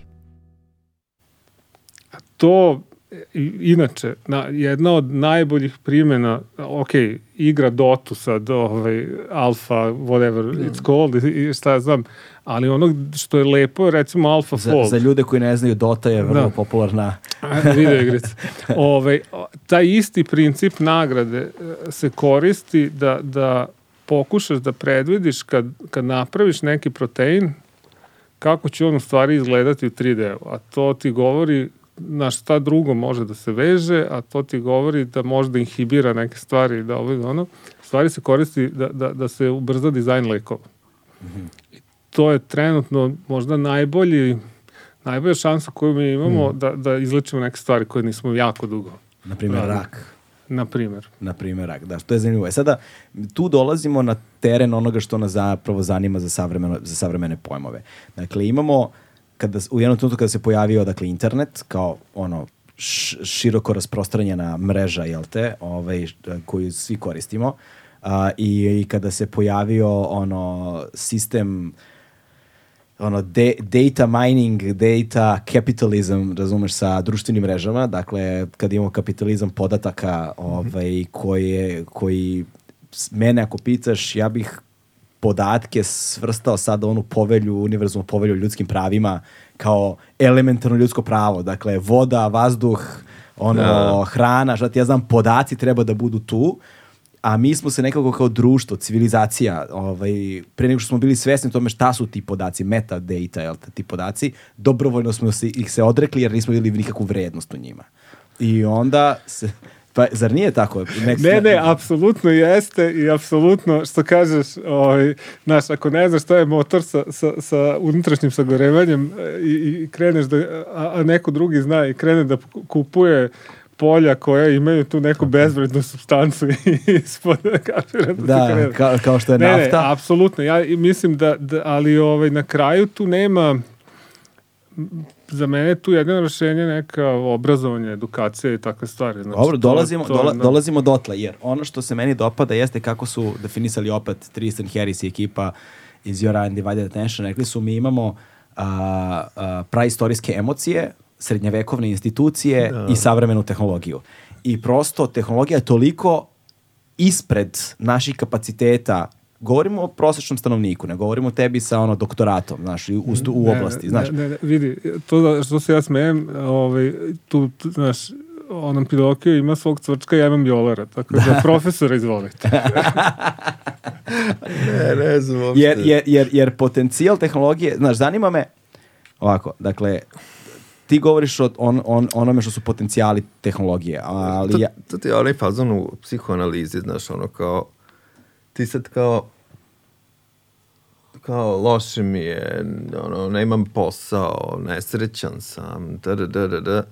A kao jedini odgovor je what about your daddy, ono. da, da, da, da. I to je ta, ta priča sa, sa ono, tehnologijom, sa odnosom društvenih i, pri, o, i prirodnih nauka danas jeste ono kao, e, jeste, ali sad mi kompjuter ono sedam puta na ono 15 strana paralelno i možemo da izračunamo statističku verovatnoću ono poteza šaha puta 17.000 unapred Ili, puto, ili nekih međuplanetarnih putovanja. whatever, da, da, da, a onda kad to svedeš na pitanje kao, dobro, kao, what about, ono kao, moj kao, znaš, ono kao, ok, mogu da sednem i da ono izgovorim nešto i da mi se upali svetlo, zato što sam rekao, ono, Alexa, turn on the light, ali ono kao onda odlazim u neku fabriku da radim ono, za, u nekom ono kao sklopu između mene, algoritma, mašine, gde ne znam više ni zašto sam tamo, ni šta radim, ni kako. Znači, ono, to je, meni ono što je interesantno jeste da kako mi sada možemo da jer mi sad ne možemo da, ne, ne možemo da ih uhvatimo. Vidi, sto tu nešto ono, ispriča čovek, razumeš? Ali, ali čekaj, Čekaj, to, čekaj, to čekaj, ti je da. Clarkov trigger, okidač. Da, da, da. znači, ako je tehnologija tu, ne možeš ti s njom ništa. Tako Mislim, je, možeš tako samo je. da je ograničiš. ne možemo da je uhvatimo, ne možemo da razumemo uh, ono kao aspekte toga kako će one da ne znam, upotreba te tehnologije da se odrazi na društvo.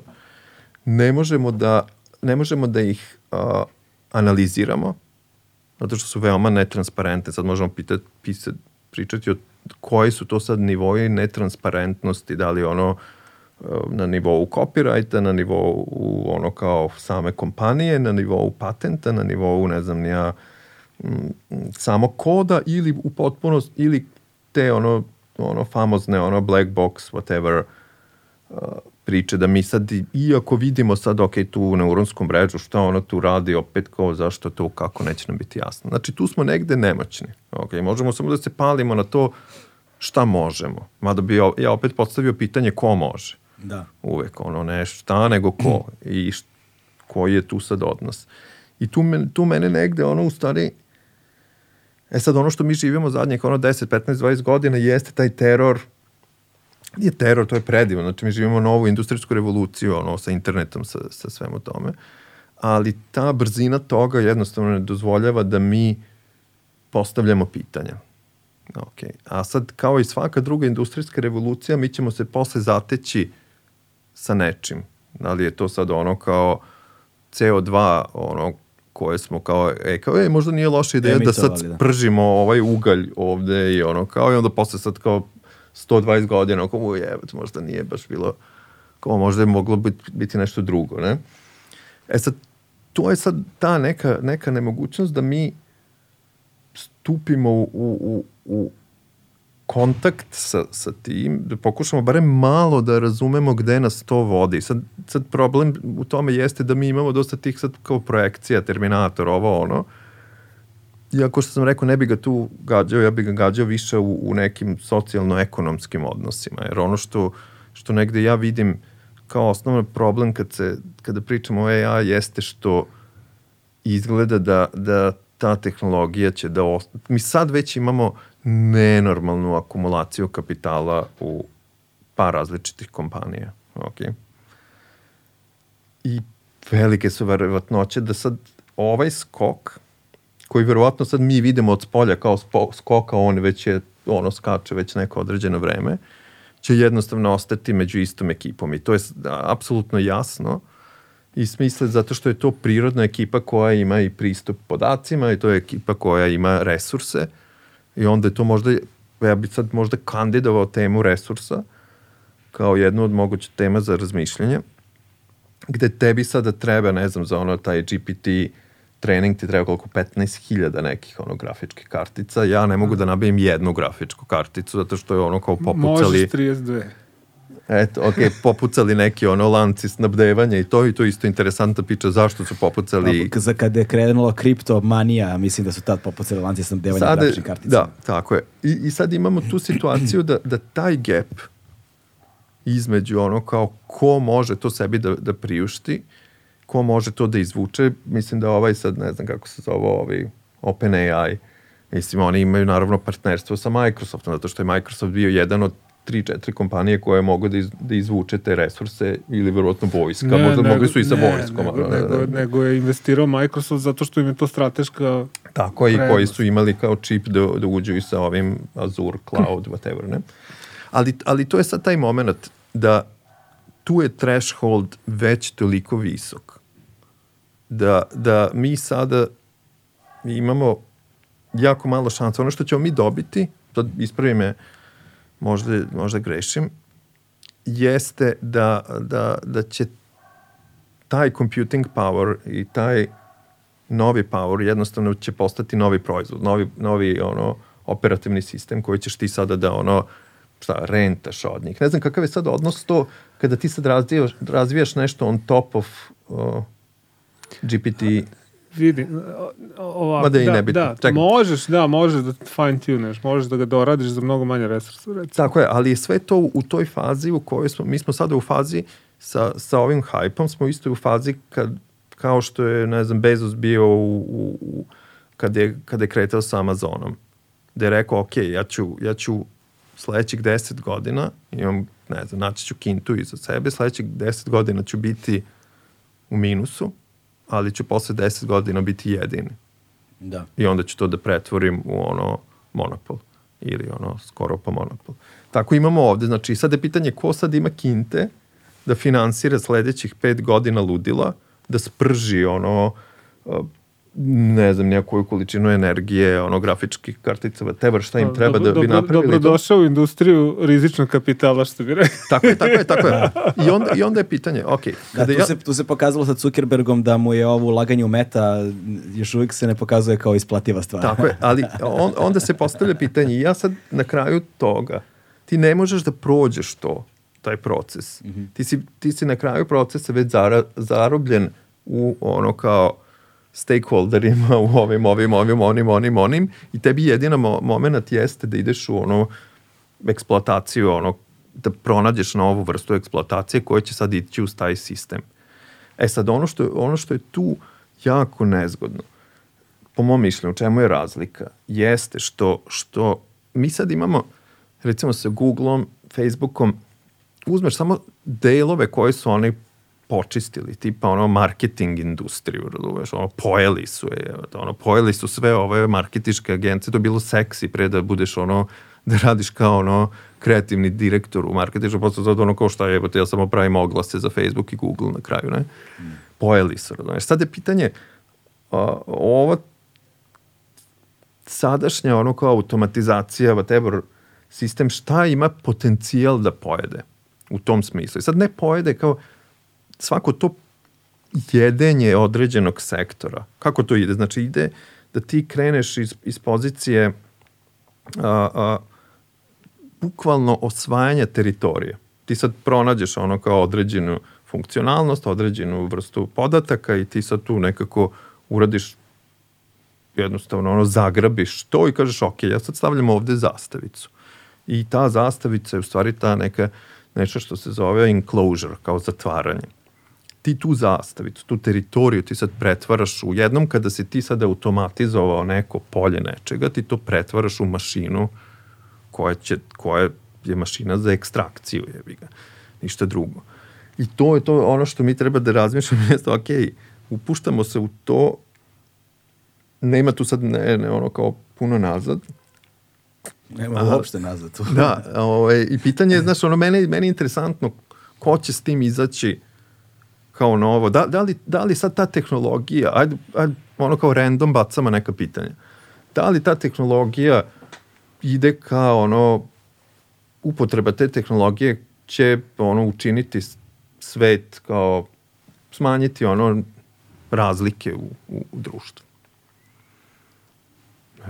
Ja iskreno sumnjam. Mislim, Mislim, Možda. do, do sad nijedna tehnologija nije baš tako radila. da, da, da, Ne, to, ne, je, ne, da, to, je, to je problem. Ali da. internet, pazi, internet je bukvalno imao tu vrstu mogućnosti da bude to. Bukvalno je Da mogao, demokratizuje znanje. bukvalno je mogao da, da bude biblioteka. Aleksandrovska Zajednička biblioteka. biblioteka. Da, fora što ljudi ovaj, ne vole da baš da, idu u daju, pa, da, biblioteku. da, da, daju pare za biblioteke, a, ovaj, a vole Pa to, da ekstrakuju to. novce. E, da, Tako to je, to ali je- to je, to je sad ali, pitanje. e- Ti sad imaš tu taj čip, te, imaš tu tehnologiju na stolu, razumeš? Da. Ali sad, jasno je ko će, na koji način, je, već je jasno gde će to da ode, mislim, ono, kao nema, ja sad ne vidim, i sad ono što mi je interesantno jeste, čitao sam sad pre neki dan tekst od ovog Altmana, je se Da, Altman da, zove, da. koji je napravio taj OpenAI. Da. Vrlo interesantan tekst, mislim, on, on bukvalno ga je pisao pre, ne znam, 3, 4, možda i 5 godina, gde sad on se tripuje, i sad on priča ovu priču, priča, mislim, on je sad, ono, zvezda, super zvezda, ono, kao, Bio je pre toga, on je vodio Da. Y Combinator. Eto. šta je vodio? A, y Combinator, to je veliki startup, ovaj, Da, da, da. u, Silicon Valley. Ok. I, I šta on kaže? Ok, sa ovom tehnologijom koja će sada ono kao da učini ne znam ja, da ima svi manje rade, sve će da bude automatizovano, svi će manje da rade, svi će imati više vremena da uživaju, da, da, da, da, da. Međutim, 70% tog teksta se u stvari bavi sada tom idejom a, jednostavno tog kao ono universal income. Jeste Da. universal income. Da. To kao da svi mi dobija, da svi mi budemo dovoljno ono kao, znači on već prepoznaje tu vrstu problema. Aha, go, čekaj, govoriš Universal Basic Income. Basic income. Aha, aha o uni, uni, jedinstvenom uh, univerzalnom prihodu. Tako je, tako dakle, je, To, tako to znači da kao svi ljudi unutar jednog sistema će dobijati određenu svotu novca Tako je, tako na mesečnom ili godišnjem nivou, kao početnu neće više morati da Tako rade. je, ali zbog toga, ja, ja sad osjećam iz koje to sad ide njegove ono frustracije ili čega, zato što je apsolutno jasno da, da kako je sada postavljeno, ko su sada igrači, ko ima pristup tehnologiji, će to direktno vodi ka ono još većem ono polarizaciji u, u, u, u ono kao moći, polarizaciji u primanjima između ono kao nekih centara koje već postoje. I ovaj, Me, me... Idi, ovaj, ja bih rekao, razumijem šta govoriš, ali reci, možda sam ja to kao to optimista u, to, u, to, u tom smislu. Ovaj, a, svaka promena je ono opportunity, prilika. Ja bih rekao da će stvari da se, da se a, promešaju opet i, ovaj, i mislim da sedeti i gledati da, kako se mešaju ili pokušati nešto da uradiš da tebi bude bolje, ja, bi, ja sam uvijek za ovu drugu varijantu ono, recimo, a, da li znaš da je produkcija naučna, mislim sad za AI sigurno znam, da. ovaj, a, Kine prevazišla sve, ceo ostali svet prošle godine. Mm -hmm. I, ovaj, I to, ne znam, četiri puta više od Evrope ili Amerike, ne, znači, sumano. Mm -hmm. znači, hoću da kažem, a, što kad bi pogledao, ne znam, koliko godina unazad, uh, ova Kina je bila dosta nazadna i ovako i onako. E, sad mi možemo da mislimo svašta nešto u njihovom ovaj, društvu i, i, i, i takvim stvarima. Me, čini mi se da su bogati, da možda imaju, da su bliže tom nekom universal basic income-u nego što su bili. Što znači da kad dolazi neka nova tehnologija, mogu to da možda se promeni. Sad, kakvih to efekata ima na svet, posle, šta ja znam, to slažem se, ali to, to su društvene stvari o kojima treba razmišljati ne, ne bih rekao da će sve ostati isto, kao što s internetom nije ostalo isto, Google-a ne bi bilo da nije bilo interneta. Bez obzira što je bila, možda je bila prilika da ima milion nekih različitih mm -hmm. varijanti Google-a, Yahoo-a, ovoga, onoga, ali Google je čist produkt interneta koliko god bila dobra namera i svašta, i internet je doneo svašta nešto lepog i to što kažemo edukacije i ovog i onog doneo i gomilu problema. Mi smo, mi smo sad na internetu. Da, razumeš.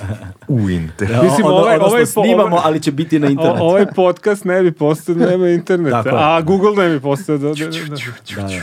Tako da, ne znam. Da. O, e, ovako, ja, uh, ajde da prvo komentar na Kinu. Uh.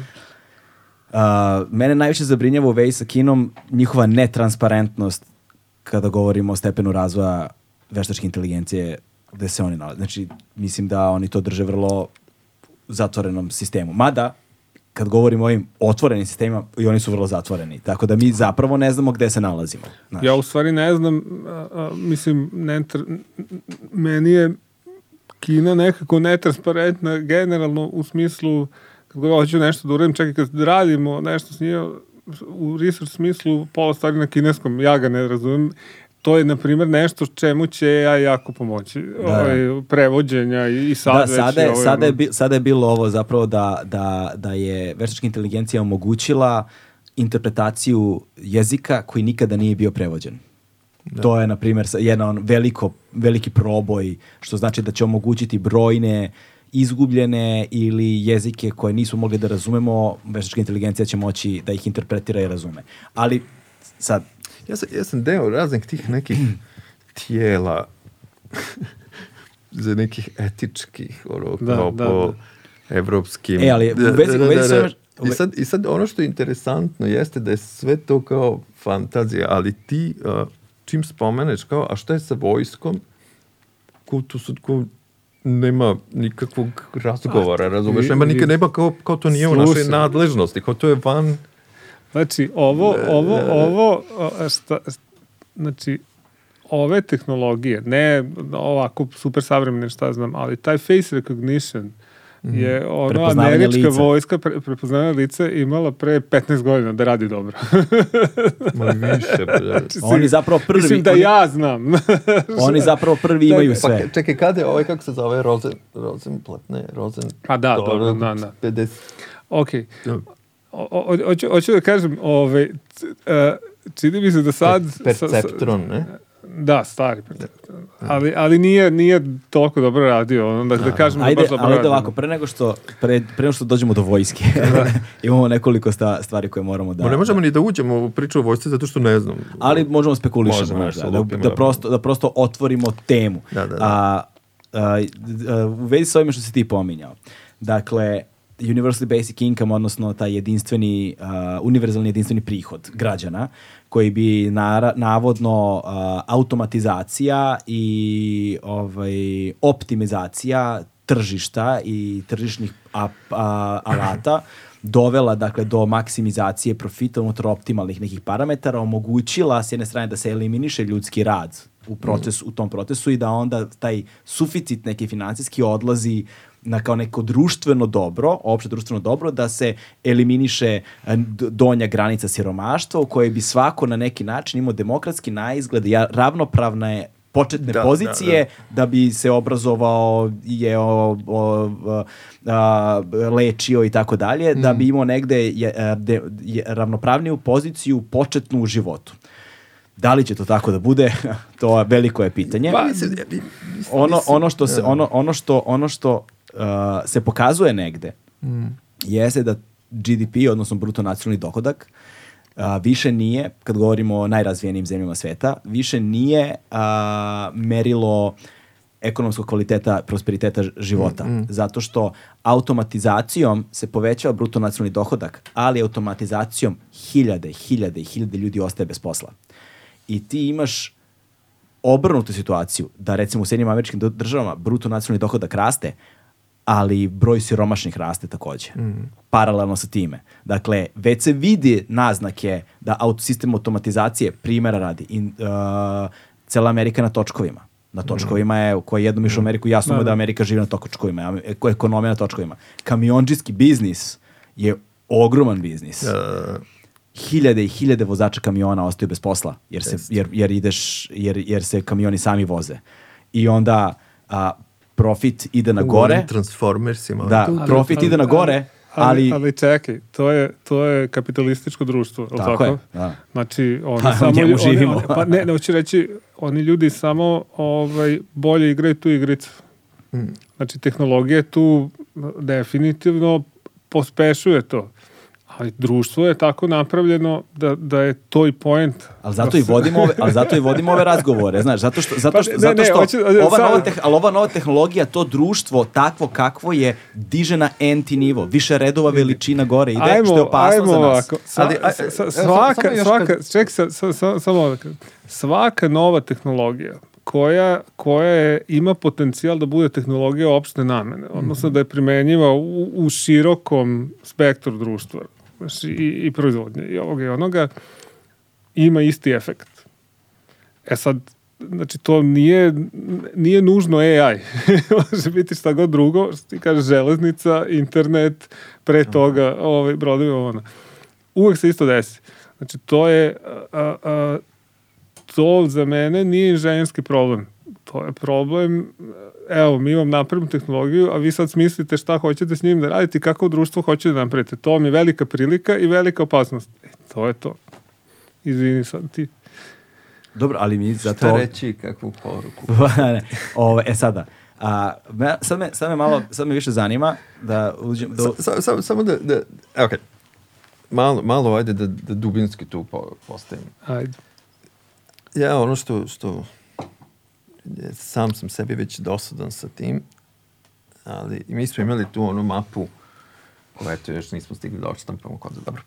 Ove, Anatomy of an AI system, koji sada priča o tom razumevanju neke proširene anatomije jednog AI sistema. I tada je to bio taj glupavi neki Amazon Alex. E, izvini, samo pomeri malo mikrofon ka, Da, ka, ka njemu, pa ka sebi, ovako još si već, e, i onda ga okreni još malo ka njemu. Ovako. Dobro. Gurni, ovako, samo. I onda Ok. okreneš u sebi da bi te bolje hvatao. Ok. znaš. I, ovaj, I mi smo imali tu priču o razumevanju šta, kad, ok, kad kažemo AI, o čemu mi sad tu tačno mislimo? Mi sad mislimo o tom interfejsu, da li mi sad mislimo o modelu koji se nalazi iza tog interfejsa, da li mi tu sad vidimo i te kablove u toj priči, da li mi tu sad vidimo neki rad koji je utrošen u pravljanje tog modela, da li mi sad tu vidimo neki rad koji tu da li vidimo lance snabdevanja, da li vidimo rudnike, da li vidimo šta tačno mi sad obuhvatamo tom pričom. E sad stvar u tome što ono što nam se obično prodaje jeste ta površina toga, jeste taj interfejs, jeste to ovo mi radi ovo ili mi ne radi ovo. A iza toga, sad kad pričamo o toj jednakosti ili nejednakosti, ti da bi uspeo da, da, da ono to dovedeš na neki nivo, ti moraš da uđeš dubinski u toga i da kreneš, da li mi sad pričamo o jednakosti, nejednakosti onoga ko u Kongu ono kopa rudu ili ne znam nije ovo ono. Jel o tome pričamo? Hoće to sad ta tehnologija nama ono transforme se to ili kažemo ne, mi hoćemo samo da se bavimo ovim površinskim nivom, kako će ovo da utiče na dizajnere ili na, znaš kao, što jeste i verovatno ćemo pričati o tome, ili na umetnika, ovo ono. Ali ako, ako mi sad uđemo dublje u to pitanje, je ok, kako će ovo o, ovaj proces da, da utiče na, na čitav taj lanac koji tu sad postoji, na čitavu tu sad ti, ti uh, čitavu taj slojeve i slojeve nevidljivog rada i nevidljivih društvenih, socijalnih, političkih odnosa koje postoje u kreaciji toga, koje mi sad na kraju zapakujemo nešto i kažemo, o je sad veštačka inteligencija, vidi kako je pametno, vidi kako radi ovo, ne znam, ne, ono iza toga, ono ko, bukvalno ko u ovoj priči sa, sa, sa ovaj, tim Amazon Turkom, ono kao ljudi, ono, drže vodu da, da, da A vidi, a, opet, o, meni je potpuno si pravo, ali meni Uh, I sad se tu, sad se tu uh, ali negde... nije, nije, znači nije stvar... Čekaj, dobro, sad se tu ide kao priča kao naš inženjerski problem, to nije inženjerski ali, problem. slušaj, nije... Kao ne možeš... Slušaj. Možda treba etiku i moral da uvedemo među inženjere. pa, apsolutno. pa da onda u samim sistemima ugrade u startu. Ja, znam, ali to je kao da praviš gumeni čekić. Ono, znaš, jako je, jako je cool, ali ne može skroz da se, da, da, da se iskoristi svašta nešto. Znači, ali zašto bi... Ali, dobro, zašto bi Ne, ne, vidi. Ja, da li taj nije, čekić uopšte treba da postoji? Pa ne znam, ali onda ono što ja volim, ta njegova mapa mi je super i stvarno, ali, ali hoću da kažem, to je savremeni računski sistem. AI je tu mali deo nečeg, to je neki program koji se vrti na nekom serveru Tako. ili na ne, nekom TD device-u, bio on AI ili ne bio AI, Tako ili bio šta god a to je problem interneta, globalne neke industrije koja je bazirana na tim tehnologijama, šta ja znam. Znači, ništa se tu oduzmeš AI iz toga, ništa se pametno, ne, ne, mislim, prome... Pa, ne, ali zato, zato oduzmeš mislim, AI iz pa, toga. Pa ne, okay. iza, nek ostane Bitcoin, nek ostane, mislim, nek ostaje, nek ostane kripto ili nešto što se računa, nek ostane video igrice, razumem, izvadi video ili, ili multiverse, Osta, koji će ostal... se sad izvršavati će i sad igranje igrica vuče sigurno više nego ja ja trenutno. Ovaj, Tako je. Tako. Rač, ist, mapa bi izgledala vrlo slično. Ja tako je, ali sad je, sad je stvar ono, da li ti sad, to je, to je osnovni taj problem, ti sad kao pod jedan, ono, kao kako, kako funkcioniše inženjersko, to ono, tehno, solucionistički pogled. Jeste, ok, ja želim da napravim ovo da radim. Sad, tu se ne postavlja pitanje ni da li to uopšte treba da postoji, da li to nama treba ili ne treba, samo ok, sigura, ali ono što se, što se sigurno ne uključuje jeste ta percepcija šireg odnosa između čoveka, prirode i tehnologije. Gde ti sad kažeš, ok, ja sad imam, ne znam, Bitcoin i ne znam, tu priču, fantastično u, u jednom segmentu, ono kao, jo, predivno, sad tu ima decentralizovano, tralala, a onda s druge strane, ono, spališ, ne znam, nijakoju količinu, ono, napraviš pokolj, ono, prirode, da bi ti sad ono kao to sad nešto proizvao. Isto, ist, ista je priča i sa, sa AI, sa, sa, sa, sa Znači, mi moramo da krenemo da, da, da razumemo tehnologije i, i, i odnose koji tu postoje iz različitih uglova. Društvenog ugla, ono, a, etičkog, od socijalnog, kako Znaš, kao... Ne, ja se potpuno slažem. Ne, možemo, ne možemo tako... Čekaj, koliko, koliki je energetski utrošak ono chat GPT-a, na primjer? Ja sam, ja sam, eto, ono, podaci koje sam ja imao čitao, ali sve su to opet je da, da, da je jedna, ono, kao upit 300 puta veći od jedne Google pretrage. Potrošnje to je CO2. Vrlo, to, to zvuči logično. 300 puta veći. Tako je. Sad, to je, na primjer, zanimljivo, je istina ono što, to sam negde čuo, kada... Ti sad već danas imaš da, da, je, da su data centri za ono internet i, i, i koji su ono kao nose internet, ono proizvode više CO2 od čitave avionske industrije, to je čitavog ono transportation avionima. sad dodaj, ako ćemo mi sad da dodamo još ovih 300 puta više, i sve te ostale ono nevidljive ovaj procese koje tu postoje, to je ozbiljni footprint. Okay. A možemo da pričamo šta će nam to vidi, dovesti jedino što ja nećemo. mogu da, da, da uradim za tebe i to zaista pokušamo i, i, pod, i da. podnos, podnosimo neke ovaj, a, ne u Kragu, to je ve, ve, nažalost vrlo nizak footprint za sada, ali ovaj, a, ono što možemo i to ljudi rade da, da učinimo te sisteme efikasnijim. Tako. Ali, ali to, da, znaš, a, ne, ja nekako mislim da nije realistično da će se taj razvoj zaustaviti i ne mislim da mi tu možemo da utičemo. Možemo samo da ih poboljšamo, možemo da, da znaš, mislim, da pogrešno ne razumeš, jedan moj, od mojih startova pokušava da, da iskoristi AI, veštačku inteligenciju, da zaista izmeri koliko imamo ugljenika u zemljištu, poljoprivrednom zemljištu, Mm. jer onda ako to možeš zaista da izmeriš, to stvarno ne možeš sada i ne znam kako bi drugačije to efikasno uradio, ne možeš Ne ni da može on sugerišeš sam sebe ljudima. da reflektuje, ono da sam sebe izračuna koliko Pa, on sam... ok, ali o, o, što kažem, a, a, a, možda možemo da vratimo deo onoga što smo s poslednjih 300-400 godina spaljivanjem i, i Da. intenzivnom o, ovaj, poljoprivredom a, a, pustili u atmosferu. Mislim, postoji, definitivno postoji potencijal da te alate, kao i svaki alat koji znaš, iskoristiš za nešto dobro. E sad, da li, znaš, kako će to na kraju da se završi, to zaista ne znam. Ali ne, ne, nije, to smo sto puta pričali. Da. Mislim da tu the cat is out of the bag. Mislim da je jako važan taj Mačka je deo da se, pobegla da, se, da, da, da, se sta, da se stalno, ovaj, da se razmišlja o tome, da se... Schrödingerova mačka pobegna.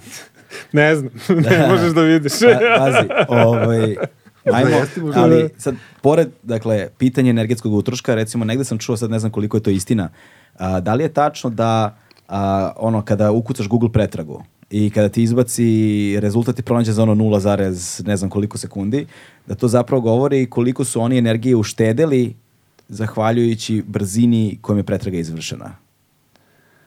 to sad stvarno ne znam. Znači, za, za, Ne, ima neka da, varijanta da, da, je da, kao da. zapravo... Ali, ali, mislim, realno ne, da, možda kao sales pitch ili nešto, ako je pretraga tako da brže, da, mislim, prvo brzina, a, sama ne govori ništa, jel? To koliko si ti računarske moći is- iskoristio, delimično, naravno, govori, zavisi na kom računaru, koliko je on Ok. efikasan i šta ja znam.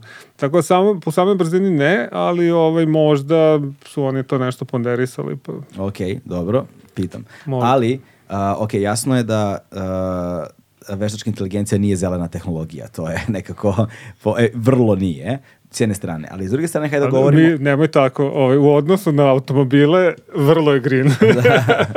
ovaj, e, s druge strane, pa jest. znaš, Pa ne, vidjet ćemo da- aj, vide, vide- vidjet ćemo, ali druga stvar je a, a, resursi koji su neophodni za kreiranje same tehnologije, pokazalo se recimo a, ono da sa kobaltom, sa gomilom tih nekih stvari koje idu sada ono u, u, u ove zelene tehnologije, zapravo kreiraju potpuno novu vrstu ne samo robovlasničkih sistema, nego i potpuno drug, nove ekološke probleme i ratove na podnebljima koje su bogata određenim resursima koji ulaze sada i u te baterije, u te čipove i tako dalje.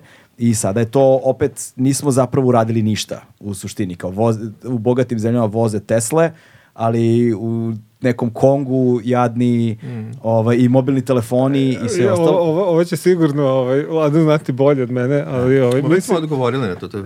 Da, da, ne. Da, mislim, mislim da ovaj, e, isto tako kaučuk za gume, ja mislim da, da, da, da je na nekim mestima doveo baš da, da izumre ceo, o- o- apsolutno po- populacija drveta kaučuka. Meni je to, na primjer, Možda Da. samo populacija kaučuka, Ne, ne, ali znaš šta je fora? Ja ne bih- Konga, znaš, nekako- kao nekako- ljudska populacija. nekako- Pa, ali- ja sam, da, ovaj, da, ja da. sam više tu biolog, znaš, meni je, nekako, meni je strašno kad nestane neka vrsta životinska biljna kakva Dobro, god. okej, ali ajde ovako. Ali meni, čini mi se da je negde nezahvalno ipak da se radi, da se porede dve bede, ovaj, kao Apsolutno. kontekst opravdavanja jedne od te dve. Znaš, nekako bih posmatrao Tako zasebno. Znači, taj problem o kojem ti govoriš, da, on postoji i njega treba posmatrati zasebno, ali problem koji postoji sa ovime, postoji i treba ga posmatrati zasebno. Ne relativizovati njegov problem u odnosu na bedu drugog problema. Znaš? Ne, ja to više kažem, ne, ne u osnovu o, o, relativizacije, ne, nego ono, učiš iz istorije. Znači, to se uvek desi. Ono, uz malo sreće mi kao globalno društvo napredujemo, pa, pa, to, pa se to manje dešava. Da. I naravno treba da, da, da radimo tome. Ali ja isto ne mislim, eh, kad si inženjer, onda si vrlo praktičan. Ovaj, treba da uradiš da, da minimizuješ te efekte. A, ja ne vidim način na koji mi to možemo sad super brzo da otklonimo, realističan način da to otklonimo. Da. I onda, onda, onda znaš, teoretski mi možemo da pričamo, i, i mislim, to smo i pričali, jeste nekako, uh, uh, da kažem, ono, amanet umetnika i, i, i, i duševnjaka i filozofa i sociologa da ukazuju na te probleme i da ne budu bez posla. da budu što glasniji oko toga. Ali, ali na kraju, Ajde sad, Znaš. ajde sad ovako, uh, u, da, da pomenemo neke kon- konkretne stvari. Dakle, tri stvari koje su se pojavile u posljednjih nekoliko godina, to sam pomenuo negdje na početku razgovora. Prvi je bio uh, veštački generisana muzika pojedinih izvođača, da je uzmu celokupan opus Amy Winehouse ili uh, Jimmya Hendrixa ili Nirvane. Ta tri sam čuo u suštini, ne znam da sam čuo još neki. I onda su napravili pesme koje ne postoje, ali koje potpuno zvuče kao da su ih oni napravili. Ovaj, kako funkcioniše ta tehnologija? pa, Ćeš ti, tehnič, Sve- ajde, ti tehnički... Mislim, onda- a, a, u osnovi je to nešto što je... A, a, nije problem s podacima, zahvaljujući internetu toga imaš koliko voliš. Ono što je problem kad, kad, kad učiš ovaj, neki, nešto, nekoga, a, imaš par načina kako to da uradiš. Jedan je da mu pokažeš recimo neku sliku i da kažeš ovo je mačka. Jel? Dobro. A, a ovaj, e, to je i dalje naj ovaj, efikasniji način e, i to se zove e, ono, učenje pod nadzorom, supervised learning. Right? A, a druga varijanta kojom se mi uvek, pošto nam treba jako puno podataka, znači prvi put kad smo naučili relativno dobro, sa, sa nekom dobrom tačnošću, da razlikujemo, ne znam, hiljadu različitih vizualnih obje, klasa vizualnih objekata, od pasa mačaka do ne znam ti ja čega. Ovaj, a, prva stvar je bila da se napravi skup podataka koje, gde imaš po hiljadu slika otprilike svaka od tih interesantno, slika. dobro. Do, dobro, da on je posle to analizirao kako, dakle su stigle slike, šta znam, ali bukvalno je urađeno ovaj, Amazon trkom, koji je ovaj Mechanical Turk, ali... ali Šta je Amazon trg? Pominjate ga non stopa. To ti je neki to se dosta koristi u akademske ostale druge svrhe, to ti je u stvari nevidljiva armija slabo plaćenih ljudi koji klikće nešto. Sad prepoznaju ovo je avion, ovo je ovo, ovo je ovo ili bilo koji taj kao nano micro labor, micro work, mi- micro payments, whatever što Dobro. Eto, znači, Znači, to je imaš ono kao Amazon, distribuiran Znači neki- ja dođem na posao jedan dan i sednim na svojoj smeni 8 sati i Tako samo je. klikćem i prepoznajem slike. da, Tako je, i zaradiš neka dva prepoznaješ dolara. ono- Prepo, prepo, prepoznajem. avione, kamione, To je kao, lica. kao, to je kao kad nam onaj ubaci, kad ukuca šifru pa ti Da. ubaci da... E, a E. vidiš, to, to je, na primjer, kako za džaba da dobiješ Tako mnogo je, to je više. neplaćeni, ovo, si- ovo je bilo kao bar nešto je plaćeno, ali ono tipa, ne da. znam, 8 centi ili to da je nešto suvano. da, to je da, bilo. da. Ali, ovo, ali ono kada recimo ukucaš šifru pa kao dokaži da si ljudsko biće pa ti onda E, izbaci ono da, da. prepoznaje i pešačke prelaze, Tako prepoznaje je. bicikle. I sad- za- zato što ti u stvari, i sad, Dubra kaže kao, i tebi treba jako puno data. I sad je ta kao neutralnost data kao nešto... Podaci, da. Nešto, kao, to je sad kao neka abstrakcija, to je nešto, razumeš? A sad, ono što, je- što je meni uvijek interesantno jeste kao, ok, Odakle odakle, odakle tebi brale to? Ja, ja, ja, Kako ja, si došao do toga? Ko je to proizver? Ti sad možeš sve, svako od toga ti što, što nazivaš data je u stvari možeš da razbiješ, ona ne može da nastane samo od sebe. Mislim, u većini slučaja ne može, ali znači ti onda si ona u najvećem broju slučaja dolazi sad od ljudi, od prirode, razumeš? Tako da je to, ona je, podaci su proizvod nečega. Podaci su uvek proizvod nekog rada. Ok, mora, mora da kažem, za svoj, za svoj doktorat, ovaj, ja sam sam sam generisao klikao, podatke, a, ovaj, a Toralba sa, sa MIT-a ovaj, a, on voli da kaže i, ovaj, njegova mama je jedan od najboljih anotatora koji postoje na svetu. I dobro. Sad, sad malo, malo sam samo sasekao, Da. ali vratit ćemo Ok, se. A, i, I sad kao uzmemo taj GPT, whatever. Sad kao, i njima treba data, kao sad. E, ok, stani. Ajde. Stop there.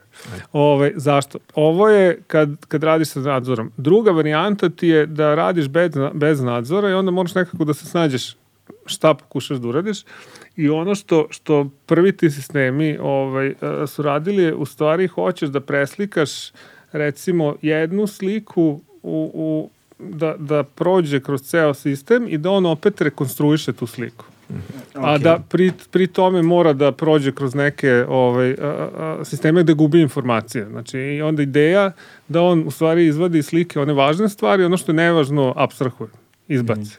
E, ovaj, ti prvi sistemi su u stvari a, pokušavali to, da, da, da prvo da pretvore, ovaj, da bukvalno izanaliziraju zvuk i da ga posle rekonstruišu, ali da ostanu važne stvari. Kad to uradiš, onda dolaziš u situaciju da sad možeš da mu daš na ulazu nešto malo drugačije, pa da, pa da on ti opet izgeneriše nešto drugačije i novo.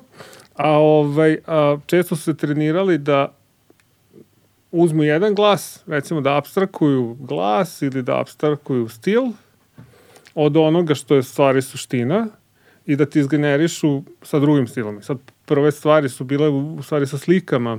Da. Onaj, kako se zvao, što je baš primjer je bio Van Gogh, pa su svi skočili.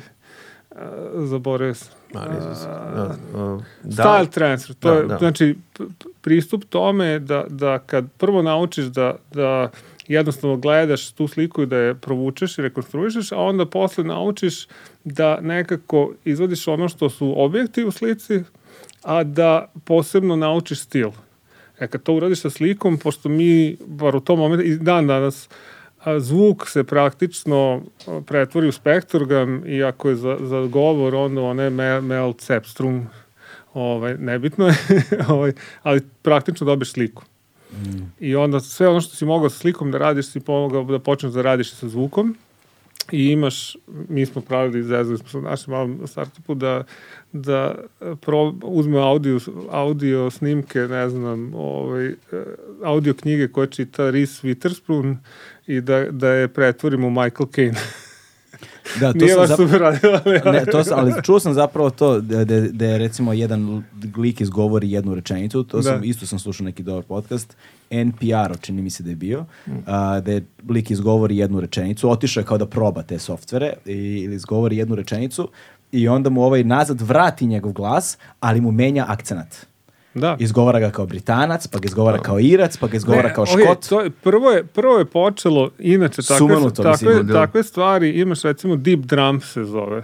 A, ovaj, a, a, gde generiše tweetove, još od pre 4-5 godina, generiše tweetove, svaki tweet zvuči kao da ga je Trump napisao, jer jednostavno naučiš stil, znači naučiš stil, ključne reči, mislim, ti to mnogo bolje znaš od mene, frazeologiju, Da. i onda praktično možeš to da radiš.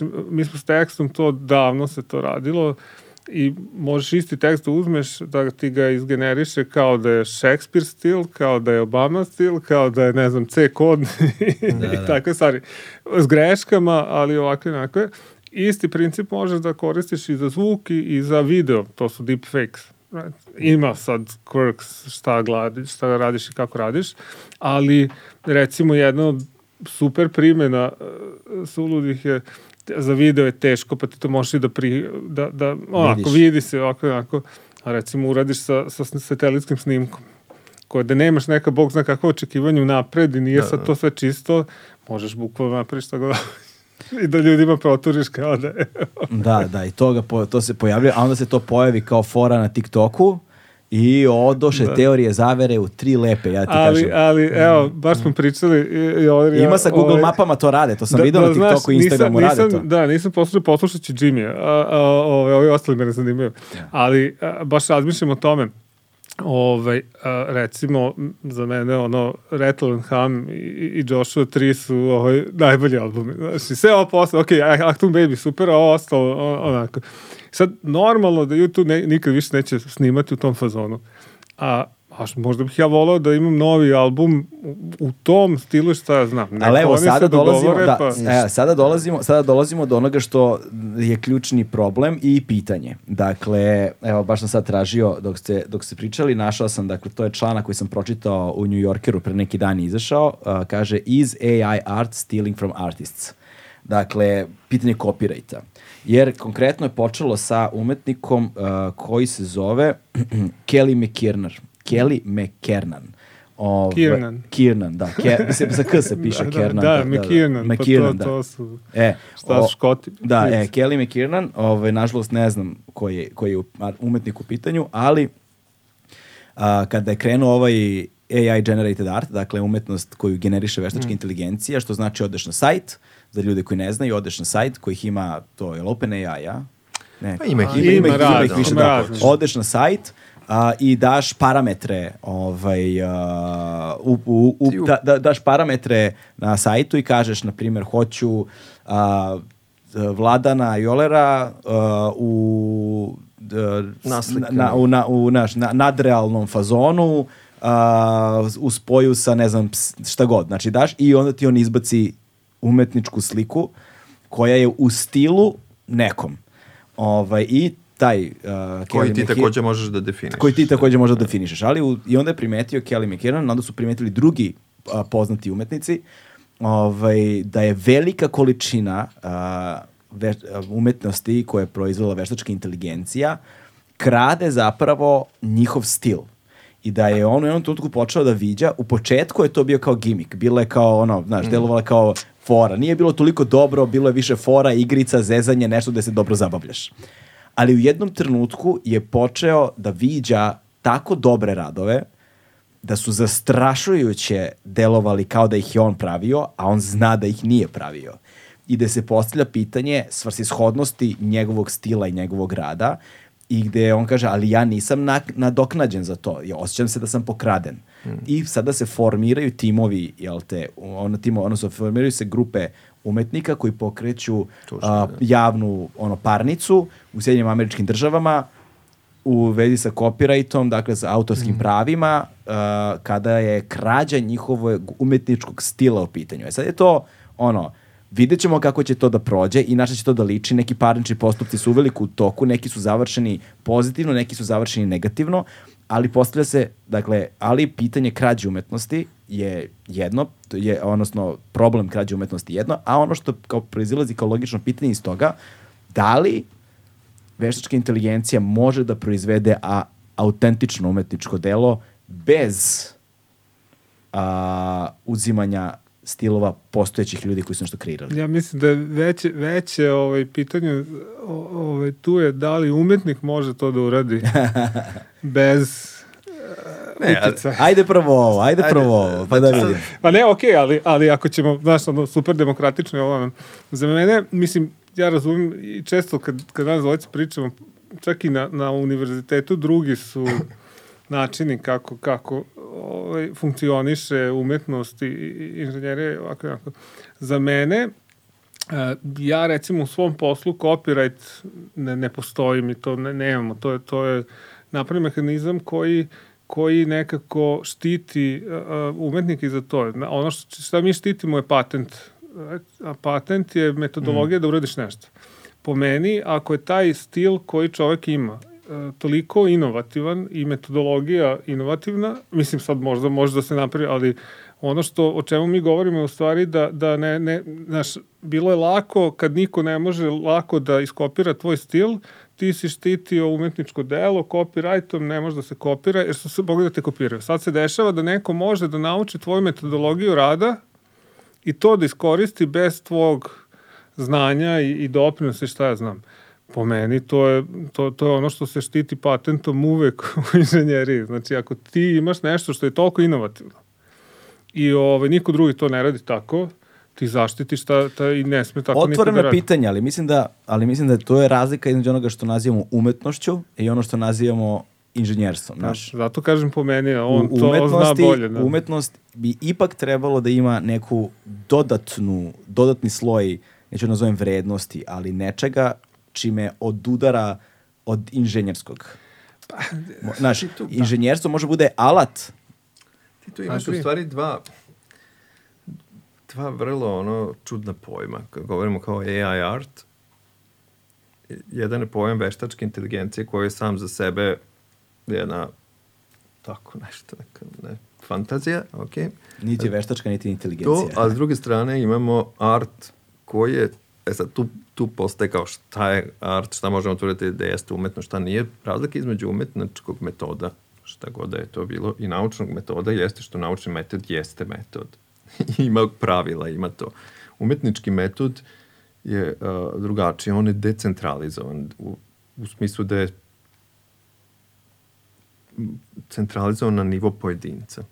I tako. I sad šta je, da li nešto jeste umetnost, šta je umetnost? Ti sad imaš razne tu sisteme, imaš ono čitave ono parazitske ili neparazitske, ono kao od istoričara umetnosti, muzeja, ovo koji će da tvrde da nešto umetnost, ali, ali na kraju ja bi to vratio na nivo da ti ono kao otprilike na nivou pojedinca.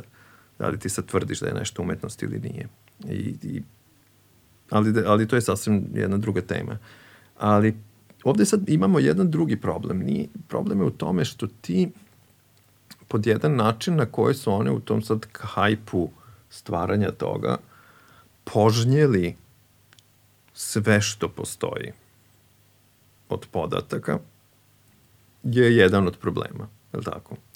I sad u tom procesu su oni sad zahvatili sve.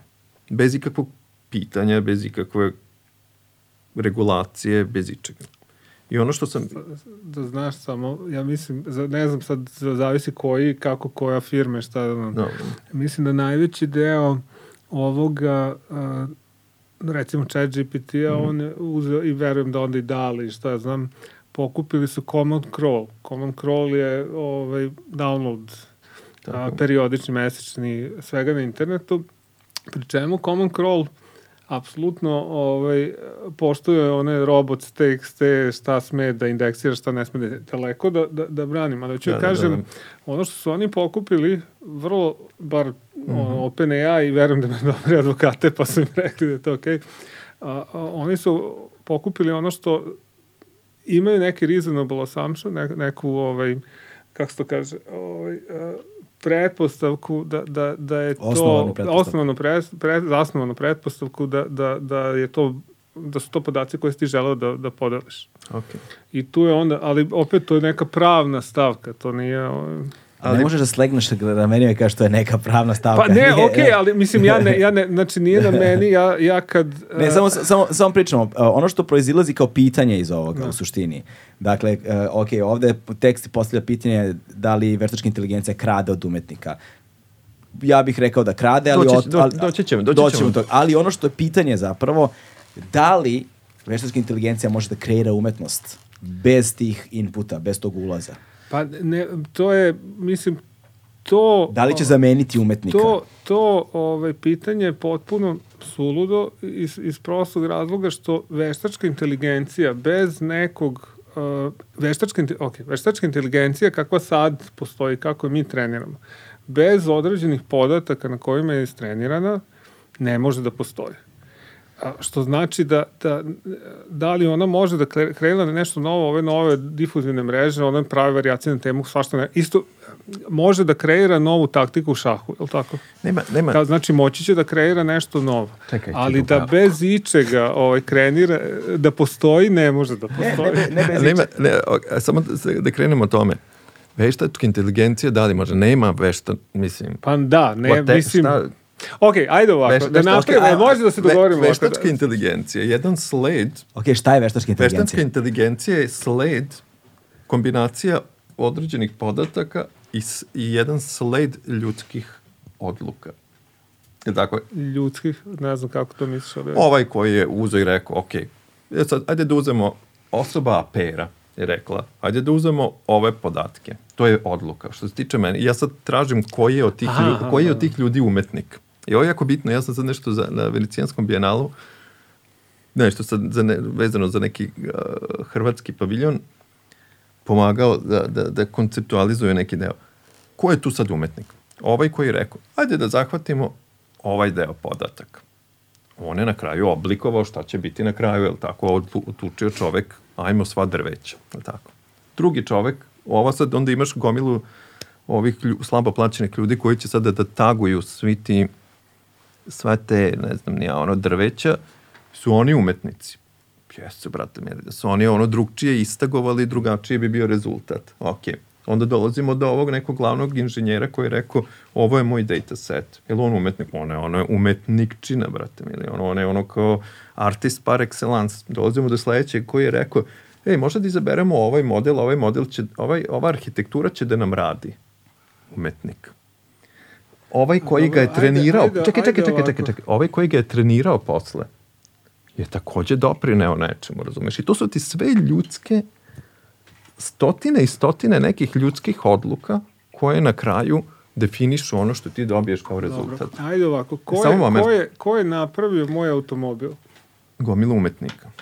Gomila umetnika, da, da, da. ali, ali, to je, ali to je to, znači, e, to je, ti sad ako uzmeš i, i kreneš, kreneš da, da dekonstruišeš taj AI model, ti shvatiš da je on sastavljen od gomilu ljudskih odluka, nekih arhitektura, nečega ovoga, ovoga, ok, ok, i onda možemo da razmišljamo šta je u tom procesu sve umetnost. Ja vidim recimo taj rad na kraju više kao neku vrstu pozorišne predstave u kojoj su sad gomilu ljudi učestvovali da bi to se desilo tako kako se desilo.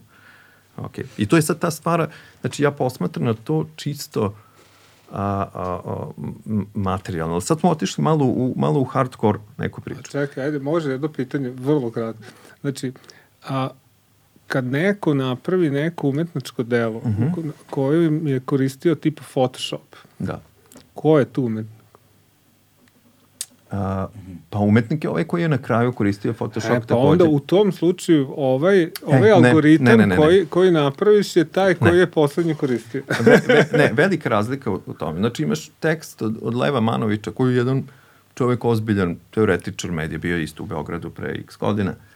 A, koji sad pokušava da razume razliku između onoga što je AI art i onoga što je digital, što je, što je ovaj, uh, ova generativna umetnost. Ako se sećate, ono prvih uh, par ovih rezonata su bile da. sve ono E sad, razlika između ono kao generativne umetnosti i umetnosti jeste u tome što je a, autonomija ljudi manja u smislu, u smislu ti sad kad, kad sedneš ispred to, ja sam sa studentima radio ono kao gomilu ono nekih tu sad vežba na tu temu, ti si konstantno u stvari se osjećaš vrlo sputano. Jer ti, jer, jer tvoja ja, autonomija... Se, tako kao, se ja osjećam kad programiram u Pythonu, pa šta tvoja, da... Tvoja autonomija kao nekoga ko, ko pravi generativnu umetnost, ti ga oblikuješ od početka do kraja. Ti ono pišeš kod koji će posle neka nešto će da se desi. Možda ne znaš šta će se desiti, ali ti si ga kodirao, razumeš? Ti si, ti si umetnik u kodu. Ovde je tvoja pozicija, ide s polja. Ti sad imaš neku crnu kutiju i ti u tu crnu kutiju upisuješ neke reči, razumeš? I ti sad onda izađe ti nešto i kao, je, izašlo mi je to. Ok, ali, ali tu je, tu je, vrlo je plitak taj, taj, taj nivo a, autonomije koje ti imaš u odnosu sa tom. misli, misli, misliš zapravo dolazi, uh, gubi se autonomija u segmentima proizvodnje. Dakle, ti imaš tako jedan... Je, tako ti, ti, tvoja kontrola. autonomija, tvoja kontrola, celokupnog procesa. Ka, kao umetnik. Ti na, po, kao, na, ti na početku ti imaš veliku kontrolu time što daješ input, ju, ali kada krene smo... proces, ti gubiš kontrolu da. nad celokupnim procesom dok ne vidiš outcome. Ono juče smo buč, bukvalno izlaz. imali tu temu na, na, u, na akademiji I pitao sam ih, ok, uzmete, napišete nešto, ono, izbacite neku najluđu moguću tu sad, ono, u tom daliju i tu izađe vam ta neka slika.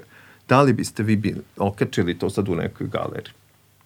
I tvrdili, i sad ona kao po copyrightu kaže to je tvoja slika. Radi s njom šta hoćeš. I odgovor je bio, pa kao mene bi bilo blam. Zašto? Zašto bi te bilo blam? Zato što to nema veze sa mnom. U suštini nisi ti napravio. Tako je. I to je ta autonomija toga, to je ok kao tool koji ćeš ti da ono ko sad ne znam nija proizvedeš, ne znam nija šta, ono automatizuješ proizvodnju likova za igrice do ono plus beskonačno. Na osnovu sad mu ti onoga modeliraš i da, da, da dobiješ to. Ali umetnost u umetnosti to, ja mislim da, da je i dalje vrlo primitivna ono, alatka. I, i drugi, drugi problem što umetnost, umetnost već dugi niz godina nije to. Umetnost nije uh, neka vrsta uh, um, ajde da kažemo zanatskog rada, ono kao od, od kad je, i sad možemo pričati kako, kako se to dešavalo, ali ti od kad sa pojavom konceptualne umetnosti i, i ovakvih nekih događaja, to više nije polje igre. Znači, Da. sama tehnička produkcija i, i zanatstvo nije polje igre umetnosti. Polje igre umetnosti je razum, kreativnost i to. I tu sad dolazimo možda do interesantnog još pitanje koliko je to sada moguće Da, sad, automatizovati. to je sad zanimljivo recimo postaviti u, u, pa, u po- poređenju. Da. Koliko uh, autonomija, dakle kontrole u odnosu, u, autonomija u procesu proizvodnje u odnosu na nemanje autonomije. Recimo u ovom slučaju nemanje autonomije, ali na primjer u slučaju fotografije gde nisi više ono u mračnim komorama sa hemikalijama da proizvodiš, nego imaš digitalni fotoaparat, škoc i praviš fotografiju, ali ćeš reći za nju da je tvoja fotografija.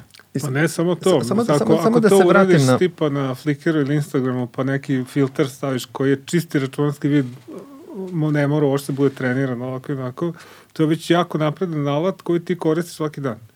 I dalje si ti vlasnik toga. Ja kapiram da je sad to, znači ovo je sad, što kaže a, Vladan, sad ti ne treba a, nikakva, ne znam, obrazovanje, znanje, ovako. Biće ljudi koji već sad postoji prompt engineering. Biće ljudi koji će se baviti samo time da ga nateraju da izgeneriše ne, i, i imaće neku svoju publiku. A, ove, ali a, ko je profesionalac ili ko hoće će možda želeti nešto bolje, bit će verovatno i, i alata koji do, dozvoljavaju veće slobode i svašta nešto tako. To nije, to je alat, to nije nije, ne govorimo mi sad o nekom duhu mašini koji generiše ne, neku umetnost, a, ali ja iskreno, ja sad ne znam, iz, iz vladane priče, a umetnost ima totalno neku dimenziju njegovu. Ja ne znam šta je svrha umetnosti. Ako je svrha umetnosti da izgenerišeš nešto što će nekome izazvati neku emociju i ako na kraju krajeva to čudo sa dva prompta počne to da generiše, taj čovek je umetnik u skladu sa alatima koji su njemu dostupni. Ja pretpostavljam da nije sve boje i ne sve ovo što mi znamo danas za post-processing, ovo nisu bili dostupni, ne znam, Van Goghu ili ovome ili onome, ili- ili ko zna kome pre 2000 godina. Mislim, to je jako nezgodno, je to kao, uopšte to kao šta je umetnost, šta Pa nije da, umetnost. Da znam. ti imaš recimo sad ono kao uh, raspravu između kao, o, ne znam, majstora koji koriste dleto u obradi drveta i ovi koji seku na CNC-u, razumeš, kao i kao ovi koji seku na ovi, ovi kao majstor ćeš, koma to nije nešto, znaš, kao, je, razumem da je, da je to je konstantna promena, znaš, kao to je, ali, ali ne znači da, da Znaš, chat, chat GPT je počeo ono da izbacuje romane, počeo Jest. da izbacuje stand-up komediju u stilu određenog komičara, što je najluđe od svega. I ali- zvuči ali, kao... Ali, ali, to sad- kažem, sad imaš dva načina da to reši. Znači, jedan na koji se svi hvataju sad, i, i vidim to isto nešto u vremenu, sam imali neki članak koji sam ja tek posle pročitao, ovaj, bio je kolega koji je, ne znam, programer, umetnik, šta već, i on kaže, ako je uzeo podatke koji su tvoje, svi se hvataju za podatke zato što je to relativno neregulisano i naučio recimo iz tvojih podataka stil i šta znam, to je to je lako rešivo. Znači, ako su oni iskoristili podatke tvoje bez tvoje dozvole, to će neki pravnik da izgura ko ništa.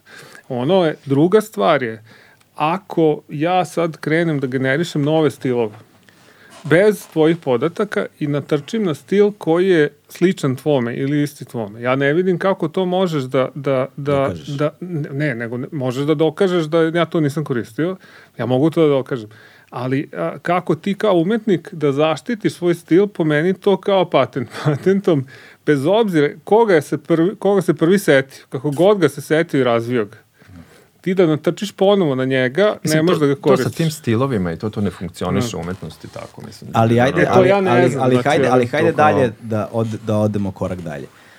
Imaš, Re, rekli smo da dakle, veštačka inteligencija zapravo nije ni veštačka ni inteligencija i da taj ljudski faktor koji daje parametre, jel te, i ovaj... A... Ok, ovako, ima nešto što Čekaj, se zove čekaj, generalna pustit ću. veštačka inteligencija. To je ono o čemu uh, i- Jole priča i, i verovatno svi zamišljaju da je to nešto što je potpuno ekvivalentno svima nama, može da radi sve što mi radimo. Mhm. Znači, ne samo može da pobedi ovoga u šahu, nego može se odveze tamo, nahrani mačku usput i, i sve to. A, to je nešto na čemu, naravno, kao neki bog zna kakav ovaj, cilj se radi, ali to nismo mi ni blizu toga. Ono što, ono što čemu mi radimo je ta ograničena, vrlo specifična veštačka inteligencija koja je sad prisutna. Što su neke lati napredni, ali lati. E, ali, a, a, ono što je meni zanimljivo, kad posmatramo i ekonomiju i kako sad ta ekonomija utiče na poslovne modele, kako poslovni modeli utiču na kreiranje tržišta, kako to tržište utiče na kreiranje ono psihološke konstitucije ljudi i društva je. Google je bio apsolutno dominantan, nedodirljiv monopol, ono, pretraživač na svetu. Sahranio je sve druge praktično. A se sećaš ti Microsofta pre, pre Google-a Da. kako je bio dominantan Da, i, pa, da, i sve jeste, ne, ne, ne, ne, ne, Da, sačekaj, sačekaj, prekini se relativizacijom. Znači, Dobro, dobro, znači dobro. v- vrlo konkretno. Ali, dve stvari sam primetio se poslednjih uh, godinu, dve, na primjer, dešavaju. Prva stvar je da, taj sam podatak negde dobio, a ne mogu da se setim gde da me ubiješ, da je oko 47% korisnika TikToka o sve o svetu saznaju preko TikToka. Dakle, oni TikTok koriste kao pretraživač, što čime direktno ugrožavaju Google. To su to nije mali broj. Uh, chat GPT su ljudi počeli da koriste kao pretraživač u velikoj meri.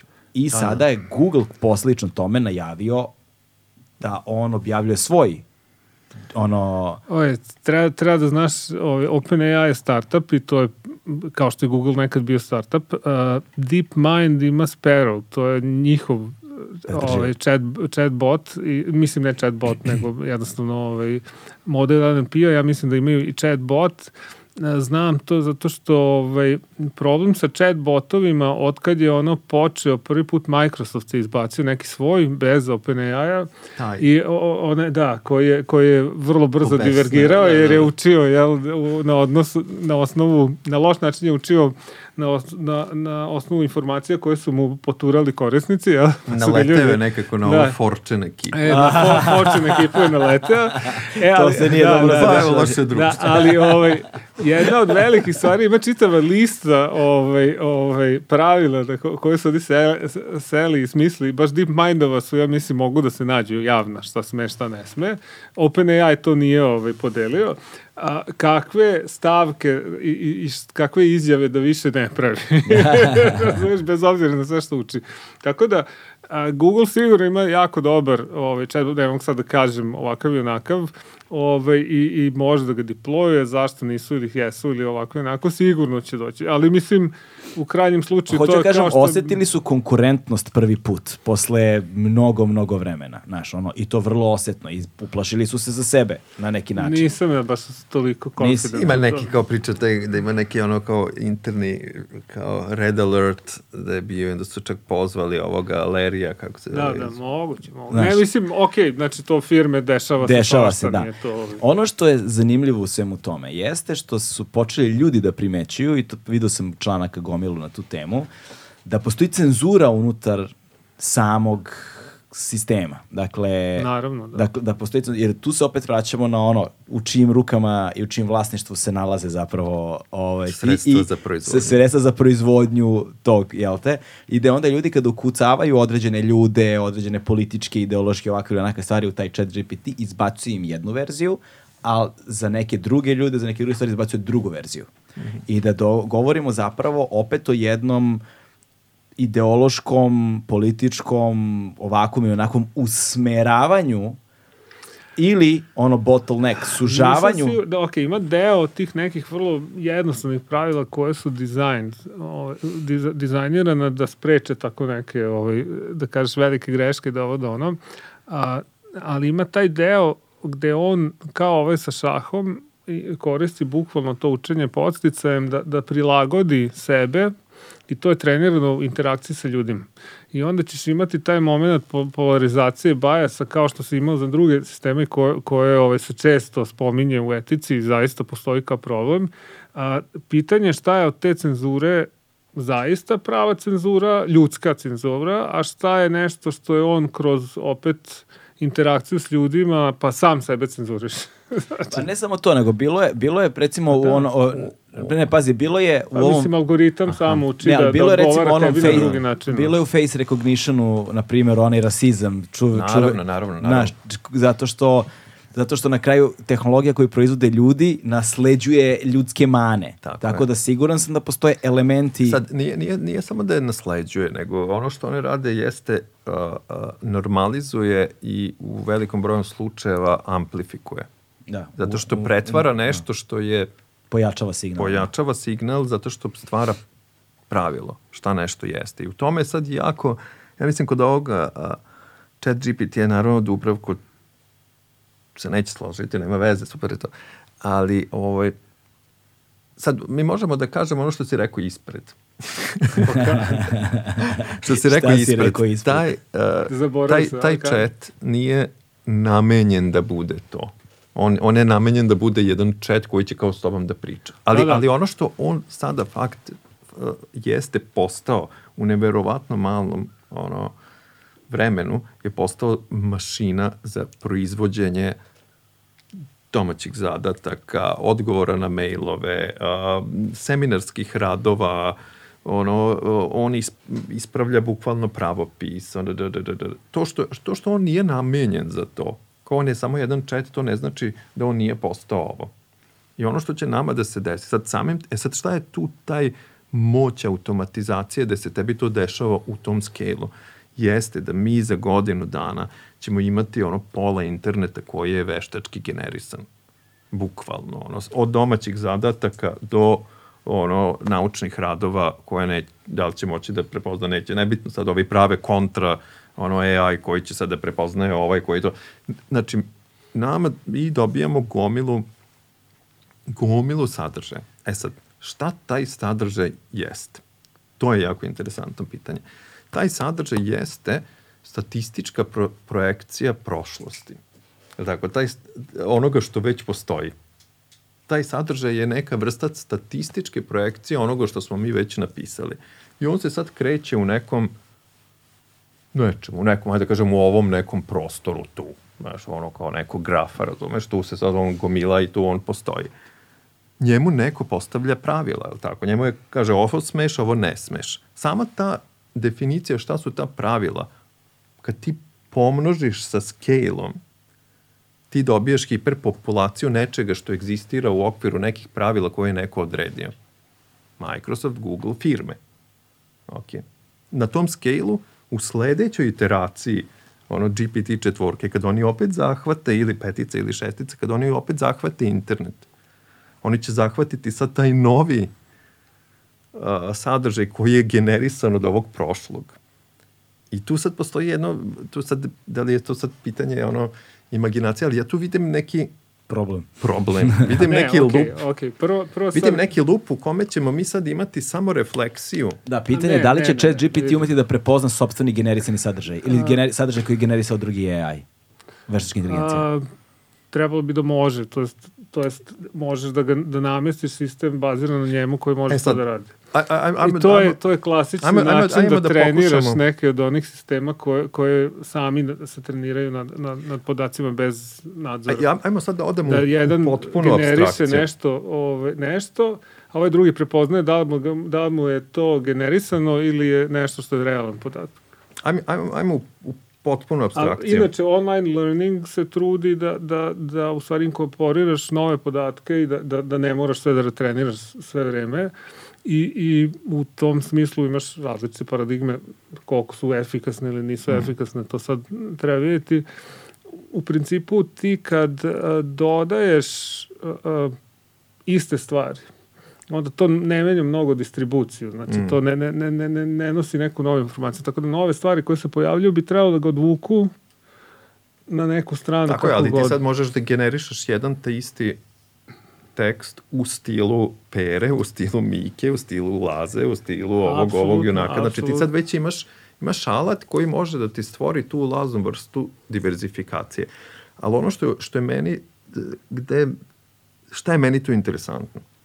Jeste u stvari šta znači za društvo. Ti sad kad kreneš da ono, proizvodiš tu ogromnu količinu svega, koje, koje, koje je omeđena nekim jednačinom. Ne jednačinom, nekim statističkim procesom, razumeš, koji u sebi ima elemente, ono, koji samim svojim nazivima, kao što je ono dimensionality reduction, ili znači, ono redukcija, koji u same u svom, u, u svom biću ima proces, ne biću, jebate, ono, uh, u svom... Stigli smo, stigli smo. Dakle. Ja priznaj. u svom, u Vidiš, svom, ono, vidiš. kao, u svom statističkom biću ima proces ono, uklanjanja anomalija. Uklanjanja... Da, evo sad si upisao svako društvo ljudsko Tako koje je, ja tako znam. tako je, tako je, ali, ali sad, sad mi, znači, mi pravimo mašinu koja će da nam proizvodi sve što nije anoma, sve što je ono kao proper. Da. I, i, i bit ćemo sve više ono hiper okruženi takvim We shall form la resistance.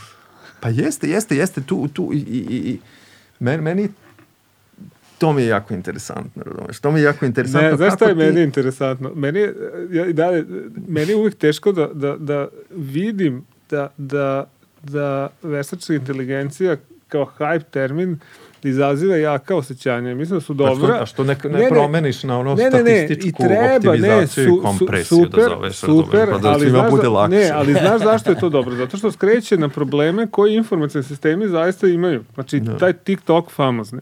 Pričao sam sa nekim čovekom, ne, nešto ta, dalje, PR agencija, sad već sam zaboravio, i sad mi on objašnjava kako generišu neke videe i kao video će biti, ne znam, 30 sekundi. Ja rekao, kako 30 sekundi, šta ne razumijem? Pa kao nema više, kao klinci gledaju, znači dva sata su u stanju da vrte isti sadržaj po 30 sekundi da ga po, ali neće da gleda uopšte ništa što je duže od 30 sekundi.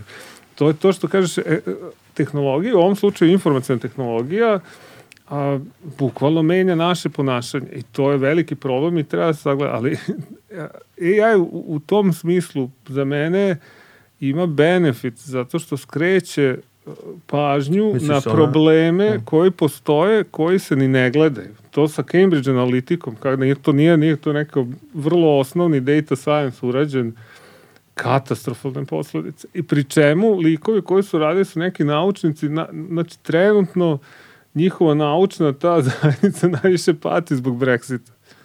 Jer su, nisu više deo Horizona, tog najvećeg programa za finansiranje. Znači, potpuno suludo. To je ono, uništili su sami sebi svoju industriju zbog ne znam čega, zbog neke para nečega. Pucali sebi u kolena. Pa bukvalno. Znači. I Ne. to ne treti AI za to. znači, to je ono pure unadulterated human intelligence.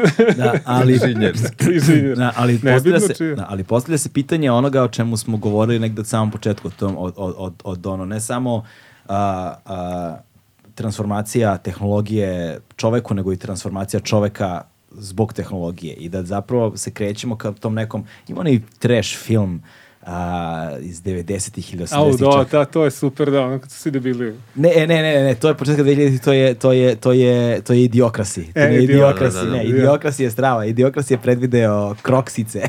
Tamo si furaju kroksice kao najružnije cipele na svetu. Ali, ovaj, a, a stvarno postale trend, znaš, tako da idiokrasi je, da, a ne mislim na to, nego mislim na onaj kako se kod nas prevao, kosač.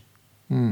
Sećaš? Ja, da, sećam se. To je nešto bilo vrlo strange. Da, Da, da, da, kosač je zapravo bila vrlo jednostavna premisa. Imaš, imaš čoveka koji je kao meten u razvoju i onda ovaj, ga povežu na neku mašinu i svaki put ga povežu on je sve inteligentni, inteligentni Da, da, da, i na da, da, kraju da, da. on postaje mašina. Jeste. Ne, pre, gubi svoju telesnost i ulazi u mašinu i on postaje ono mašina i Da. kao, na, ja sam tad prvi put počeo da razmišljam o tome da li je možda kad posmatraš evoluciju čoveka zapravo konačni evolutivni korak gubljenje telesnosti ono i potpuna integracija ali- ali sa je- tehnologijom. Sad ulazimo u sci-fi potpuno, Da, da, znaš. da, da, da. Ali, ali, pot- ali na neki način mi se čini, jer u velikoj meri, kad posmatramo statistički, kad posmatramo zaista, mi više ne znamo gde mi prestajemo, gde počinje mobilni telefon. On je postao u velikoj meri produžetak Tako. Znaš, samo da integrišemo to što moj telefon daje u telo, mi... Znaš, ali mi to Mislim, već jesmo, mi- samo, je, samo ga držimo u džepu, a ne ispod kože. Tako je. U velikoj meri. Ja Znaš, mislim da je tu, u stvari zašto je tu sci-fi toliko zanimljivo, to što ti hoćeš u stvari da, da ostvariš tim kao prelažnim mašinu, ima neki ono, ruski krez koji finansira neki startup na tu temu i šta znam, ovaj, mislim da, da hoćeš da budeš besmrtan. Ono što treba da razumemo, sa, ovi sistemi statistički, kakve god on njih zvao i kakve ja. hvala, ovaj, a, a, to je, pravljeni su po ugledu na kao biološke sisteme, ali to je jako velika abstrakcija, znači to nije ni blizu slično, to je, gledaš ptice 2000 godina i na kraju napraviš avion. I bukvalno to. I niti je pravljen da ga zameni, niti možeš mm. pticu da, da, da pretvoriš avion, niti, niti takve stvari. Biće ima razvoja, naravno i na ovu drugu stranu, a, ok, Musk sa svojim Neuralinkom ili šta ja znam, zato što hoće svašta nešto da uradi, ali ovaj, ima, a, a, da kažeš, razvoja, recimo u medicinskom domenu, gde hoćeš da simulišeš mišiće i takve stvari, onda je mnogo efikasnije praviti neuronske mreže koje su malo sličnije onome kako funkcionišu neuroni u našem mozgu. Ovo što, o čemu mi govorimo i šta je osnova ovih sistema inteligencije veštačke sada su takozvane neuronske mreže druge generacije. Ovo je treća neka generacija koja je još... Imaju onako... sad i generacije, pa nazivaju je ovo. Pa ti si moja prva generacija, ti da, si moja druga. Ako može Picasso faze da ima što ne bi mi imali generacije. A vidi 4G, 5G. Neš, nešto reflektujem, pa nisam ja pravio. Da. Nešto reflektujem sad na tu kao stalno pozivanje na, na SF i to koliko sad tog SF-a, baš mi koliko tog SF-a nije proizvedeno od strane ovaj, belog muš, muškarca. Jevate. Vrlo malo. Vrlo malo. Vrlo malo. Vrlo malo. E sad, imaš tu sad projekciju jednu, ono kao onako malo belog, da. Belog naučnog Najpoznatija žena bi bila možda Ursula, da, da Legvin, Legvin kako, le, kako da, se već zove. Ona, ona bi bila možda najpoznatija Dobar. žena. Sad, ali ono mora se potruditi ali, ali žena. Ali ju, ju, ju neke white male. da, tako. E, neko, nje su junaci, ako posmatraš levu ruku tame, ono genderless people, Aha, brate. Dobro, da, da, da, da. I to je sad projekcija. Znači, ta projekcija tog, toga, ono, svog tog opusa ide iz, hajde da kažem, ako sad preslikamo kroz te naočare gender race teorije ide iz tog jednog vrlo uskog kruga. Ok, i sad tu imaš hiljade, hiljade knjiga. I sad, ono što se dešava sad jeste da ti sad imaš refleksiju toga, te fantazije, koja ide iz, iz tog pogleda, se reflektuju sad ovom liku iz Google-a koji zaljubljen u svoje AI govori da je, da je to nešto živo, a to nešto što se kao živo je u stvari statistička refleksija svih tih SF e, knjiga ili bilo čega, zato što on vuče to te, te, te, te rečenice, te podatke. Sreće da kidni tako dobro ide u AI. Ne, ali, ali, Mary Shelley sa Frankensteinom. Da, da, da. Ali to je to, to je, znači mi sad imamo jednu fantaziju koja ide opet iz jednog ono vrlo usko rasno uh, gender ugla koja se projektuje u, u knjige, u kulturu i sad refleksiju toga u nešto drugo. U zakon, bukvalno u, ne u zakon, u, u, ono, u normativu. Da, u, za, u neku zakonitost međuđih odnosa na neki Tako način. Je. Da. I, to, I to je isto ona, ona, ona pitanje sa reprezentacijom podataka. Kako se ti, i sad ovo je jedan na jedan, jer ti sad kad uzmeš sve i, i ono stisneš to u neki statistički model, zna, jasno je šta ćeš dobiti. Biće ono reprezentacija onoga što je najveće, što je najjače, levo desno. Zato se kaže da, da ti sistemi u stvari negde u stvari emancipuju i pojačavaju o, postojeće sisteme i odnose moći, ono, kolonijalne, ovakve, rasne, gender, ovoga, onoga. Jer oni kao idu na osnovu tog pula naše prošlosti. Pa dobro, sad... I pojačavaju. Vidi. To je najgore od svega. To, što... to, to de, mislim, s jedne strane Ko? u pravu si, šta ja znam, a s druge strane nije da, da matematični inženjeri to ne shvate. Tako da a, reprezentacije kojima Diversify se... Ko, this. Ne, ne, da, bukvalno. Decolonize this ne, ne, sentence. Ne, ne, decolonize it, nego, nego nauči distribuciju celu sa svime onima što uključuje ne samo te glavne pikove i to. Mm -hmm. Znači ti zamišljaš Gaussovu raspodelu i to je to. It's not, nije baš tako. Znači, ne da nije baš tako, nego dobri sistemi e, da, da su mogli da rade tako, oni bi, oni bi radili i ranije Tako i bilo bi tako lakše tako napraviti. Tako da nije to, mislim, validna je, e, ovaj, da ka, kako se to kaže, concern, briga. Zabrinutost, zabrinutost. Da, da, zabrinutost, ali, ali ovaj, nije tako crna. Na, najgore od svega je što sve, svi ljudi koji se, koji se usko specijalizovano bave ovim oblastima, tehnologijama i tako dalje, nažalost, sav sadržaj a, koji konzumiraš je na engleskom jeziku u suštini i onda Da. izgubiš način da ga komuniciraš. Pa znaš. ne, ovaj, to jeste veliki problem, ali, ali e, recimo e, to je posljedica tehnologije, ne veštačke inteligencije, mi se trudimo da recimo razvijemo modele za naš jezik i šta ja znam, Šta radi Ali- Srpski institut za veštačku inteligenciju? trudi se. Između ostalog i to pokušava da, da, da malo razvije se bolje te modele za, za, za naš jezik, čak ima recimo da se radi neke trivialne stvari za velike jezike, da onom prepoznaješ karaktere ovaj, sa Da, tekstova. ja sam radio chat GPT, sam komunicirao sam na srpskom sa chat, chat GPT. A znam, ali neka će ti vratiti nešto na slovenačkom prime, Da, da, na slovenačkom vrati po neku reč, često ubaci hrvatski i to, Zato što ali, je ali, common crawl. A common Oh crawl my je, God, oh my da, God. da. Da, ali, ali generalno zadivljujuće dobro radi i kada naši de, deklinira, odnosno i pa, pa, pa, E, padeži. ali recimo, to je, to je jako zanimljiva stvar, zato što ovaj, a, taj, zaboravio sam tačno koliko procenata samo, tipa 2,5%, tako nešto, možda, možda i manje, ovaj, to common crawl data sete je u stvari srpske. Znači, on je, taj deo podatak, mi smo... Na temu mi smo.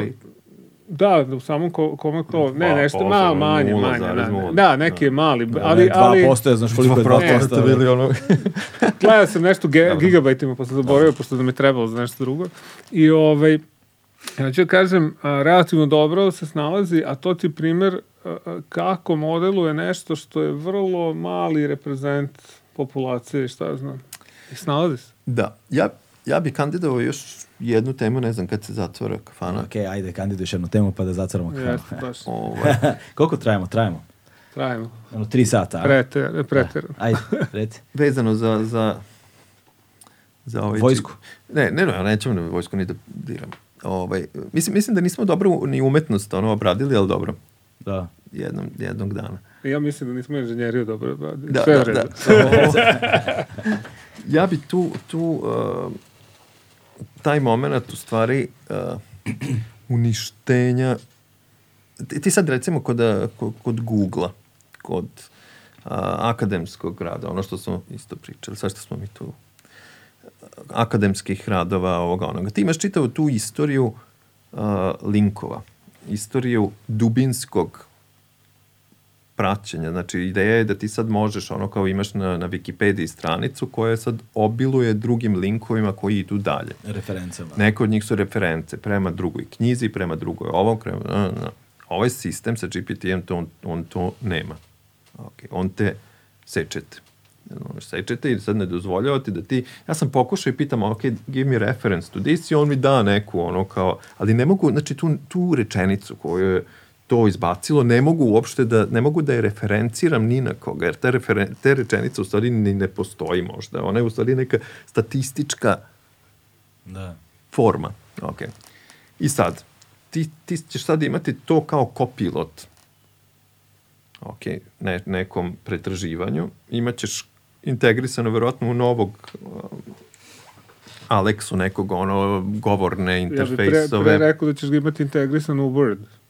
u Wordu bilo Mm. ok taj moment u kome se gubi ta dubina je vrlo opasan. Jer ti sad više gubiš vezu sa tim, prvo što u stvari statistički generišeš istinu, što je ono kao uh, uh, uh. Čekaj, ovi, ko kaže da to je istina?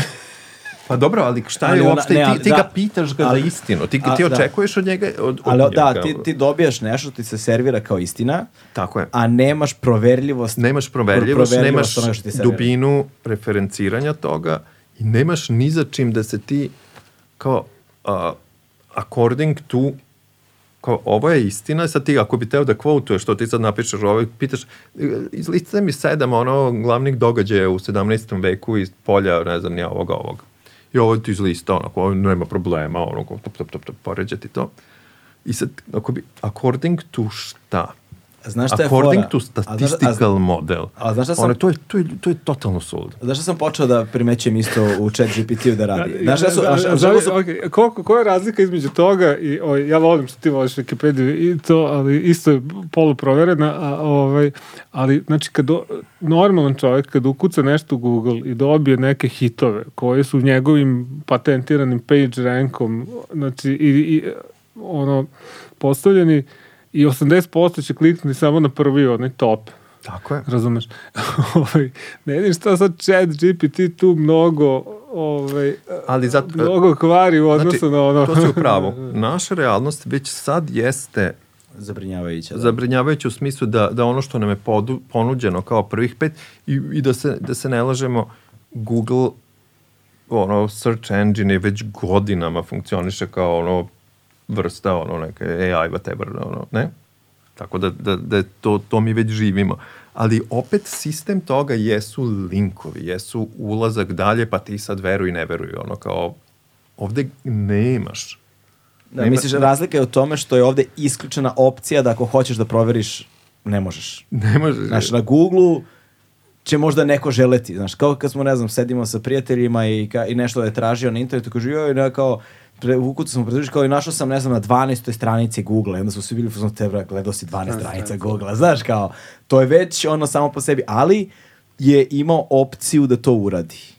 Ali Znaš, čekaj, ili kad je ušao ajde, negde- Ajde se vratimo, ovo je chatbot.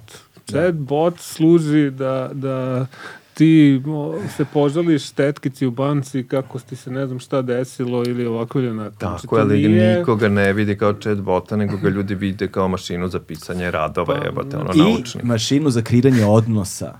Znaš, jer ako ti dovoljno puta uradiš nešto i počinješ da kreiraš naviku korišćenja toga, Hmm. zato što ono evolutivno, znaš, najkraći put ono između dve distance, jel te?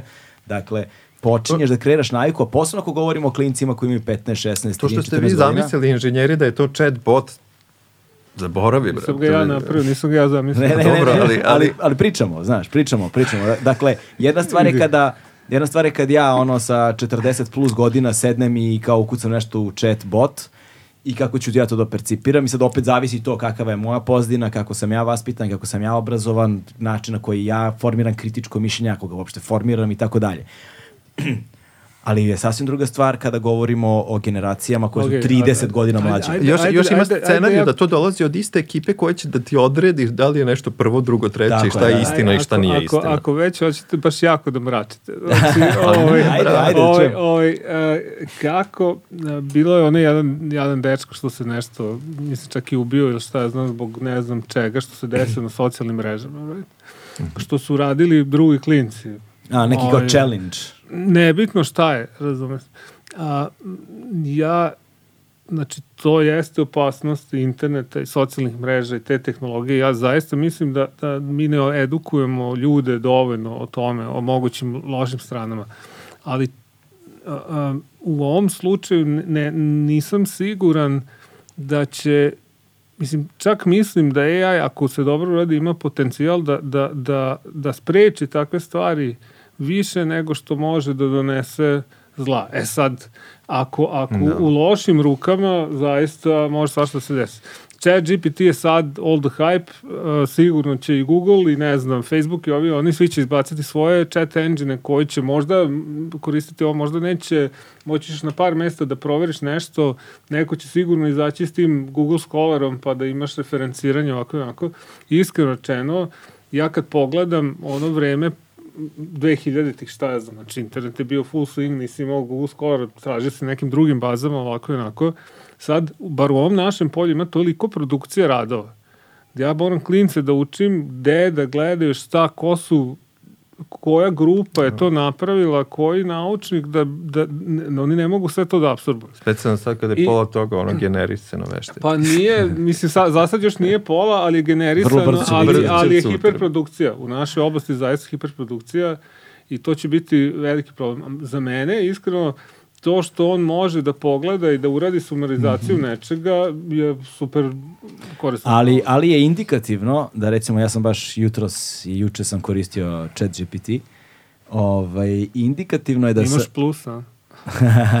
da, da, indikativno je to da se vidi kako ga koristiš, vidi se a, u trud koji ulažu u ono menjanje znaš, po, pojedinih stavki i onda u vezi sa ovime što ti govorio, to referenciranje, nisu uložili trud da izmene stvar tako da počne da šalje da reference fusnote ili šta god, nego da stavlja disclaimer Da, da, da. stavlja disclaimer, znači ti kad ukucaš nešto, da mi on kaže, i onda kao I am not bla bla bla, ja ne bi trebalo ovo ono, mora da uzmi u obzir da ove stvari mogu ili ne mogu da budu ovakve i onakve, ali kao with that in mind, evo ti E sad, šta je, šta je, da vratimo to sto, šta, To, su, šta to je bolje sto puta od pola trolova na netu.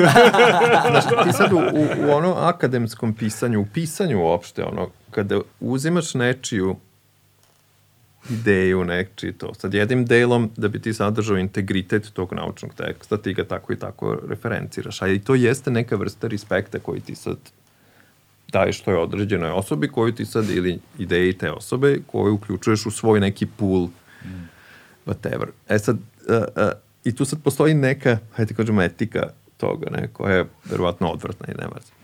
Ali ovde nema ništa i to je sad stvar u tome tog uzimanja, ono što smo pričali. Ti si sad zahvati da se vratim na, na ono što je možda previše brzo počelo, na onog Taylora i napravljanje cipele.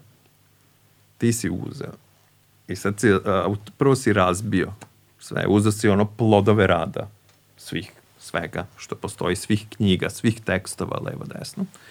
I onda si to ugurao u nešto, pretvorio u neki model, napravio proizvod od toga i zatvorio ono, jednu teritoriju. Bez da si na ikakav način, i zato se ljudi bune, zato se bune ovi umetnici koji kao jebote šta sad se meni dešava odjednom, ono kao ovaj mi automatizovao moj rad, pretvorio u tome. Ovaj iz, ne znam, Picasso fondacije, koji opet možemo ući da li to ok ili nije, što Picasso fondacija, ne znam, ima ownership nad ne znam nija čim ili nije, ali kažu kao ok, šta sad, šta to znači za nas? Pa onda ti Nick Cave kaže, to su znaš, ono kao, koje su to gluposti, kao ono, zato što ti sad gomilu ljudi mi šalje kako ono kao pesme koje je generisane od strane Nick Cave-a. Kao u stilu Nika Cave-a, razumeš? I onda je on kao poludeo napisao neki tekst.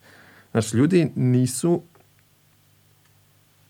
pit, nije ni pitani ni ništa, jednostavno je ono kao samo neki talas ono kao nekog ludila ti se desio da ti sad ono, pogotovo u polju umetnosti za koji su rekli što ono kao bilo, znaš, one svake godine izlaze one liste kao 20 poslova koje će biti automatizovano do 2025. Ono, umetnost nikad nije bila ni na jednom spisku, nego prvo će biti ovi, ovo sad odjednom, ono kao, šta je ovo? Kap, kapiram da vas ne shvataju kao posao. Pa to, to, to, to. Ali, ali nebitno, point, point je u tome da, da, Prozivanje. da, da ako se vratimo, vratimo na, nazad na tu, ta automatizacija je jedan nasilni proces koji ono kao ekstraktuje znanje iz nečijeg rada i stvari... Da ga nekom drugom. Tako je. A, e sad, Ali- to, dru, I ali sad je ne- onda ne- pitanje... Znaš šta- znaš šta mene zanima? ali Samo- ne samo- samo firmi, nego, samo da nego drugim Mare. ljudima. Mare, ajde proveri samo uh, koliko ljudi dnevno koristi chat GPT i da li ima podatak koliko se radova dnevno proizvodi Da, da, ili da. ono, samo, baš me zanima, samo me zanima podatak. Ne znam, ja znam da je i pre nego što je postao chat GPT, samo nije bilo zgodno, mislim da je neko izgenerisao već GPT-em ovaj, rad i da je poslao na neku konferenciju i A prihvaćeno. u Srbiji sve. dalje imaš ono za 50 eura seminarski radovi na oglasima, znaš. A da, A Dobro, da. to, to je, na primer, a, a, problem naše kulture, to nije problem, znaš... Inženjera, Da. tehnologije. Evo kaže uh, 13, pardon, 13 miliona uh, korisnika dnevno. Ima chat GPT, ok. A koliko se naučnih radova dnevno proizvodi? E, sad ću to da iskupim. A to je nemoguće da utvrde. O, ne znam, o, o, možda i moje, misliš da je nemoguće. Pitaj, pitaj. GPT Možda GPT podatak GPT kad- koliko je na Google to skolara, kao tri. To, Ne, ja, jako tu postoji pitanje, sad ja recimo, pratim, ne znam, jednim delom Da, tu kao izvini, pravno. samo jednu stvar, zaboravit ću. Ovaj, a, a, Izvini, ti ćeš na kraju da sedneš do zida skroz. Pa ne, da. Pobeći, zato što- da. Bežim od njega. Da, da. Ne, ovaj, a, a, fora je što, što ja mislim da se to desi sa svakom takvom tehnologijom, nego ovaj, se sve više ubrzava taj ciklus koliko se brzo širi. Razumeš, Da, to da. koliko je net došao, pa stvari internet omogućuje sve te stvari. I onda je taj šok u stvari gori nego što je bio. Mm. I verujem da će uvek biti u buduće sve Ali gori. ono što proizilazi kao pitanje iz svega toga, ukoliko su ti skokovi svaki put sve veći, Svake I- nedelje. da, ali, do, ali kažemo, svaki put sve veći i svaki put se dešavaju za sve kraće vreme. Dakle, sve kraći i sve kraći vremenski period za sve veće skokove, a mi evolutivno kao ljudska bića to fizički ne možemo da pratimo. Znaš, zato što ja, ono, kad počnemo da gledamo svi svoj screen time ono, na mobilnom telefonu nedeljnom kad nam izbaci taj poražavajući podatak svakoga od nas, znaš, govori o nečemu, znaš, indikuje nešto. A, način na koji na, se dešava mogućnost da ja, ono, zreo i odrastao čovek, sedim u svojoj dnevnoj sobi nedeljom uveče, dakle, vreme koje bi trebalo da bude, ono, opuštajući period, a, nešto što se pojavi na ekranu mene možda uznemiri, znaš, i da prosto to znači da jedan duševni deo mog bića više ne živi u meni, nego je izmešten neki deo toga tamo negde i pod kontrolom je nasumičnih na izgled inputa koje može da dobije i koji se pojavljaju na ekranu. To, Znaš, to, to, to dovodi do, do, do stvari koje je verovatno ono the greatest pain point gde se ovaj, jo, najosjetljivije je gde se Jolar ja nikad ne slažem po meni a, a, ja ne, inženjerski jedino rešenje tog problema, os, mislim koje ovo da, da ti si dovoljno disciplinovan da ne gledaš mobil nego ostaješ u drugoj sobi je piše propalo. Po meni taj mobilni, a to može samo veštačkom inteligencijom, ovom kako je sad, treba da razume da, da, da te tera u stres i šta te tera u stres i kako se ti osjećaš i da onda ti neko pomogne da to izbegneš. A za Jovara je to najkritičniji moment ovaj, ovaj, zato što potpada i, i po, ovim, po ovom a, nacrtu EU legis, legislative o, o veštačkoj inteligenciji, to su najosjetljiviji sistemi, zato što on mora da, da prati tvoje ponašanje, mora da ga razume, da bi mogao to da, da, da, da ostvari. I, ovaj, I sad, znaš, tu je... ne znam šta je rešenje. Ne, o, pazi, tu je potencijal da sve ode u totalnu katastrofu, apsolutno. Mislim, ono što se zapravo čini mi se postavlja, postavlja kao pitanje jeste da li smo mi prešli tačku bez povratka. Kaže, kaže, a, da. imaš, imaš, ko je to rekao? Da, kako je, u stvari, ta birokratija bez ljudi je u stvari najviša forma fašizma. Da, Da. ti u stvari je sve automatizovan proces, ono, algoritamski proces, da ti sad više nemaš ni ono ko... To je zapravo ultimativni cilj demokratije, o, demokratije, pardon, uh, birokratije, šta li bi Tako sada je, Freud da, rekao u da. svojoj teoriji o lapsusu. Da, da. dakle, n- ultimativni cilj birokratije jeste da se ovaj, sama sobom hrani i sama od sebe uvećava. Da. A, čekaj, a šta je ultimativni cilj demokratije? pa, Znaš, i čekaj onda- da vidim demokratiju pa ću ti reći. sad, sad, sad, gledaj, g- gde je, recimo sad, znaš, ti sad imaš sad, ne znam, te socijalne mreže i, i pretraživače. Mislim, osnovni problem tu dolazi u, momentu automatizacije toga. Jer ti kažeš, ok, ja sada, ovih informacija je previše i to sad je, ono, meni sad ako bi izlazili svi prijatelji, sve što kažu, ok, ja sad ovo moram da automatizujem. Čim ti to kreneš da automatizuješ, ti u stvari pokušavaš da, da kažeš, ok, za ovaj društveni problem postoji neka matematičko-statistička jednačina koja će meni ovo da reši, jel tako?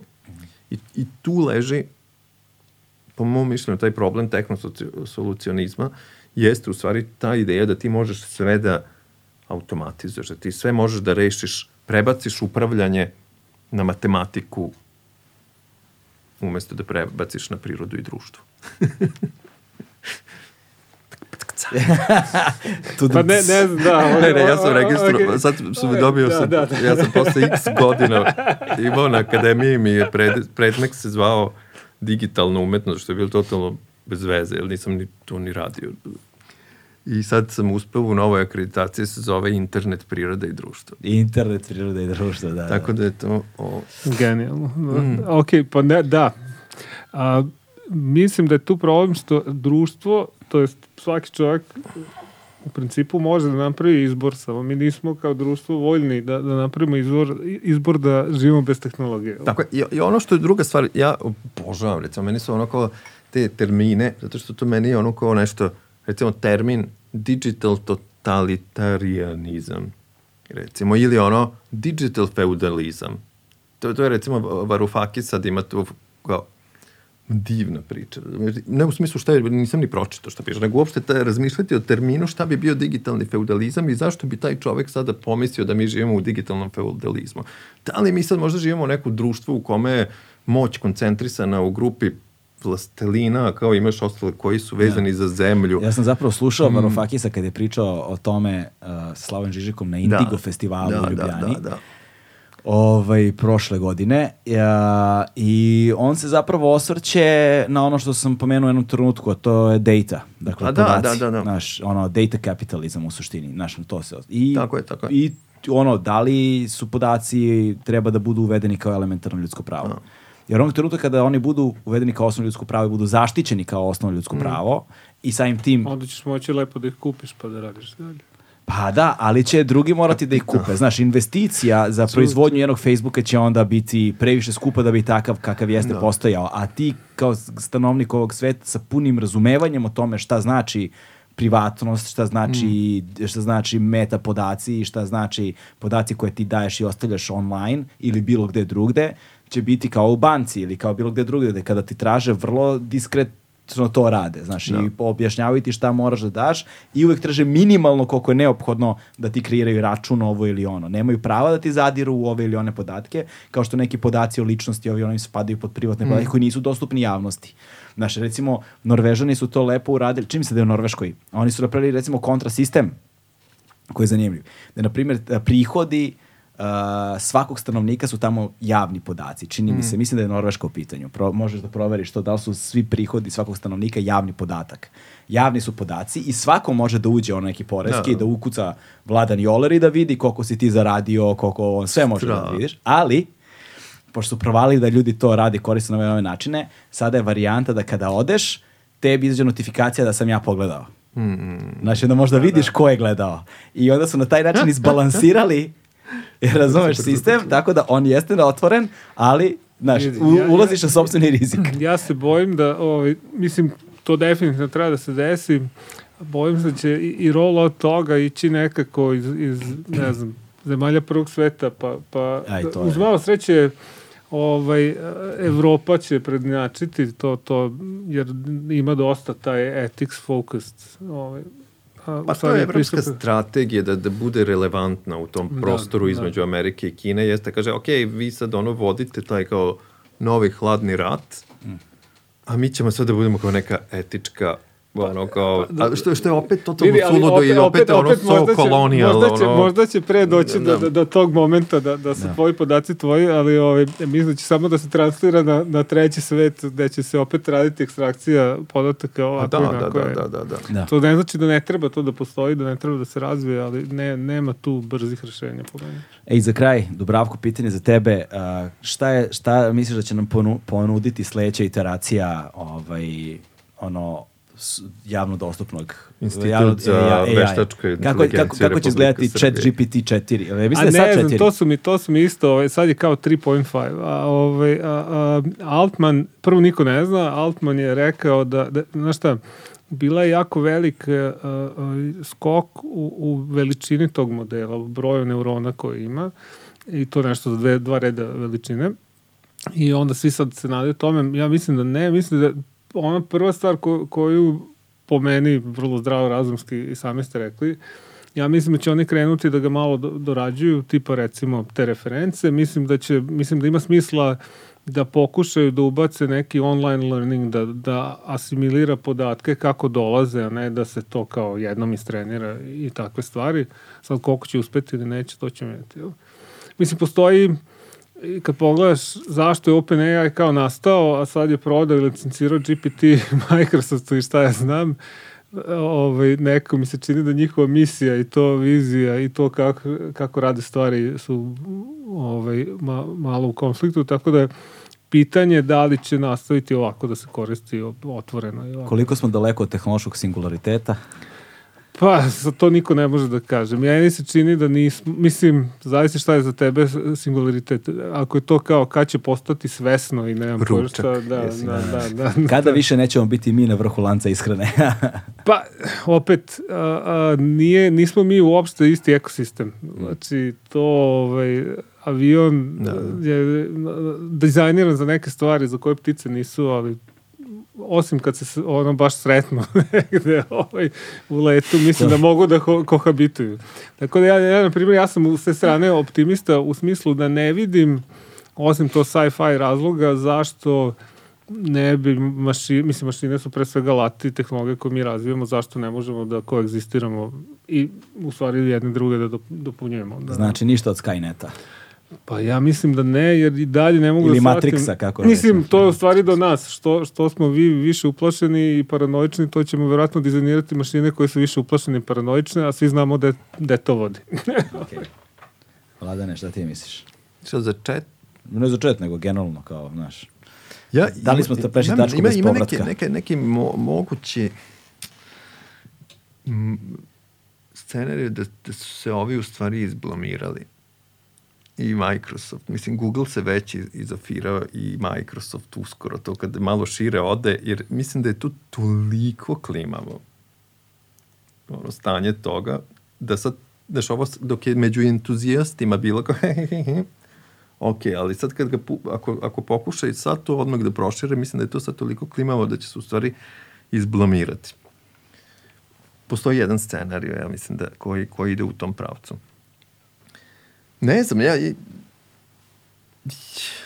Ja, meni je nekako bitno možda da, da ne izgubimo tu bitku sa strane propitivanja ono kao čemu ovo služi, kako ovo radi, ko ovo koristi, ko profitira od ovoga, kako društveno-socijalni ovakav odnos. Meni su to bitne ove pitanje. Sad, polja za to se u neku ruku smanjuju, u neku ruku ima tu sad i male eksplozije u tim društvenim naukama, etici. Postaje to sad dosta isto ovaj, mm. hype i seksi, ali, ali u svakom slučaju nije, kapacitet promišljanja je mnogo limitiranije od brzine kojom se dešavaju tehnološke inovacije. I tu sad vidim to kao, kao neki problem. Ovaj. Da. Šta? Ni, da. To znači da će privatnost i sloboda postati ono resursi ovaj, i luksuz koji neće moći svako sebi da priušti. Ma da već jeste tako u velikoj. Ma ja se više, ja se više ono bojim radno-ekonomskih odnosa u ovom smislu, ono, nego privatnosti to, to, to, to, to su ono kao prve first world problem. da, da. Ali ekonomski, znaš, ono kao ti, ono kad smo bili u tom Amazonu, ono data centru, ono je strašno, ono, u kojim ali stra, tamo, strašno, da, strašno u obliku ne onom obliku strahote koje mi poznamo, strašno u novom obliku u kome ti sad ono dižeš ruku zato što dobiješ neki signal i kojim se brzinom to dešava. I to kao život u mašini. I to kao merging algorithms mašini. To, ta, ta neka ono uh, industrijska revolucija, sad ako, ako pričate sa radnikom iz druge industrijske revolucije, ono u Manchesteru u pro, ono, fabrici tekstila. To su strašni ono, kao uslovi. Ja mislim da, da postoji scenarij u kome sa ti novi uslovi za određenu klasu ljudi postaju strašni. Da, da. To je, to je bilo kad je bila ta industrijska revolucija u Engleskoj. Leptiri neki su genetski promenili svoju boju zbog Tako. čađe koja je bila, da. ono, znaš, da to znači potpuno ludilo. Tako da... Za neke, za neke, za, za neke klase će ova industrijska revolucija biti ono novih 17 jahti i 500 ono, privatnih aviona, za neku klasu će biti ono hipstersku će biti oh my god, imam novi tool, ovo ono, ali postoji veliki deo sveta gde, može da se desi da, da ova vrsta revolucije dovede do ono novog ono, da da, da stoje u pelenama kada im šalje da. sat signal, dignu ruku da zašrafe nešto. Tako je, da ono yes. rejtuju ono iza, iza ono ispravnost da. tog GPT-a, da, da budu deo tog algoritamskog sistema, da rade kao ono Ali kad pogledaš, da, sve to se dešava zbog čoveka. Mislim, to je samo alat. To je svaki alat ti tu... To je istina. Čovek i čoveku uvuk. Je, je. Eto. Dakle, završimo sa, kako se zove, beše, ovaj, evo sad mi je stao mozak. Leviatan, kako se zove? Hobbes, Hobbes. Thomas Hobbes, Da, Thomas da, da, Hobbes, da, sa da, Thomasom da. Hobbesom da završimo nekako simbolički. Hvala vam ljudi ovaj, na vremenu, na trudu, na dobrom razgovoru i na dolasku iz Novog Sada. Nema čemu. Brzim vozom. Brzi Brzi voz voz, sokolom, sa oko, Sokolom. sokolom do Galeba. Nego šta. to. Stigli smo, stigli smo do kraja. Aj, čao. Ajde, ćao.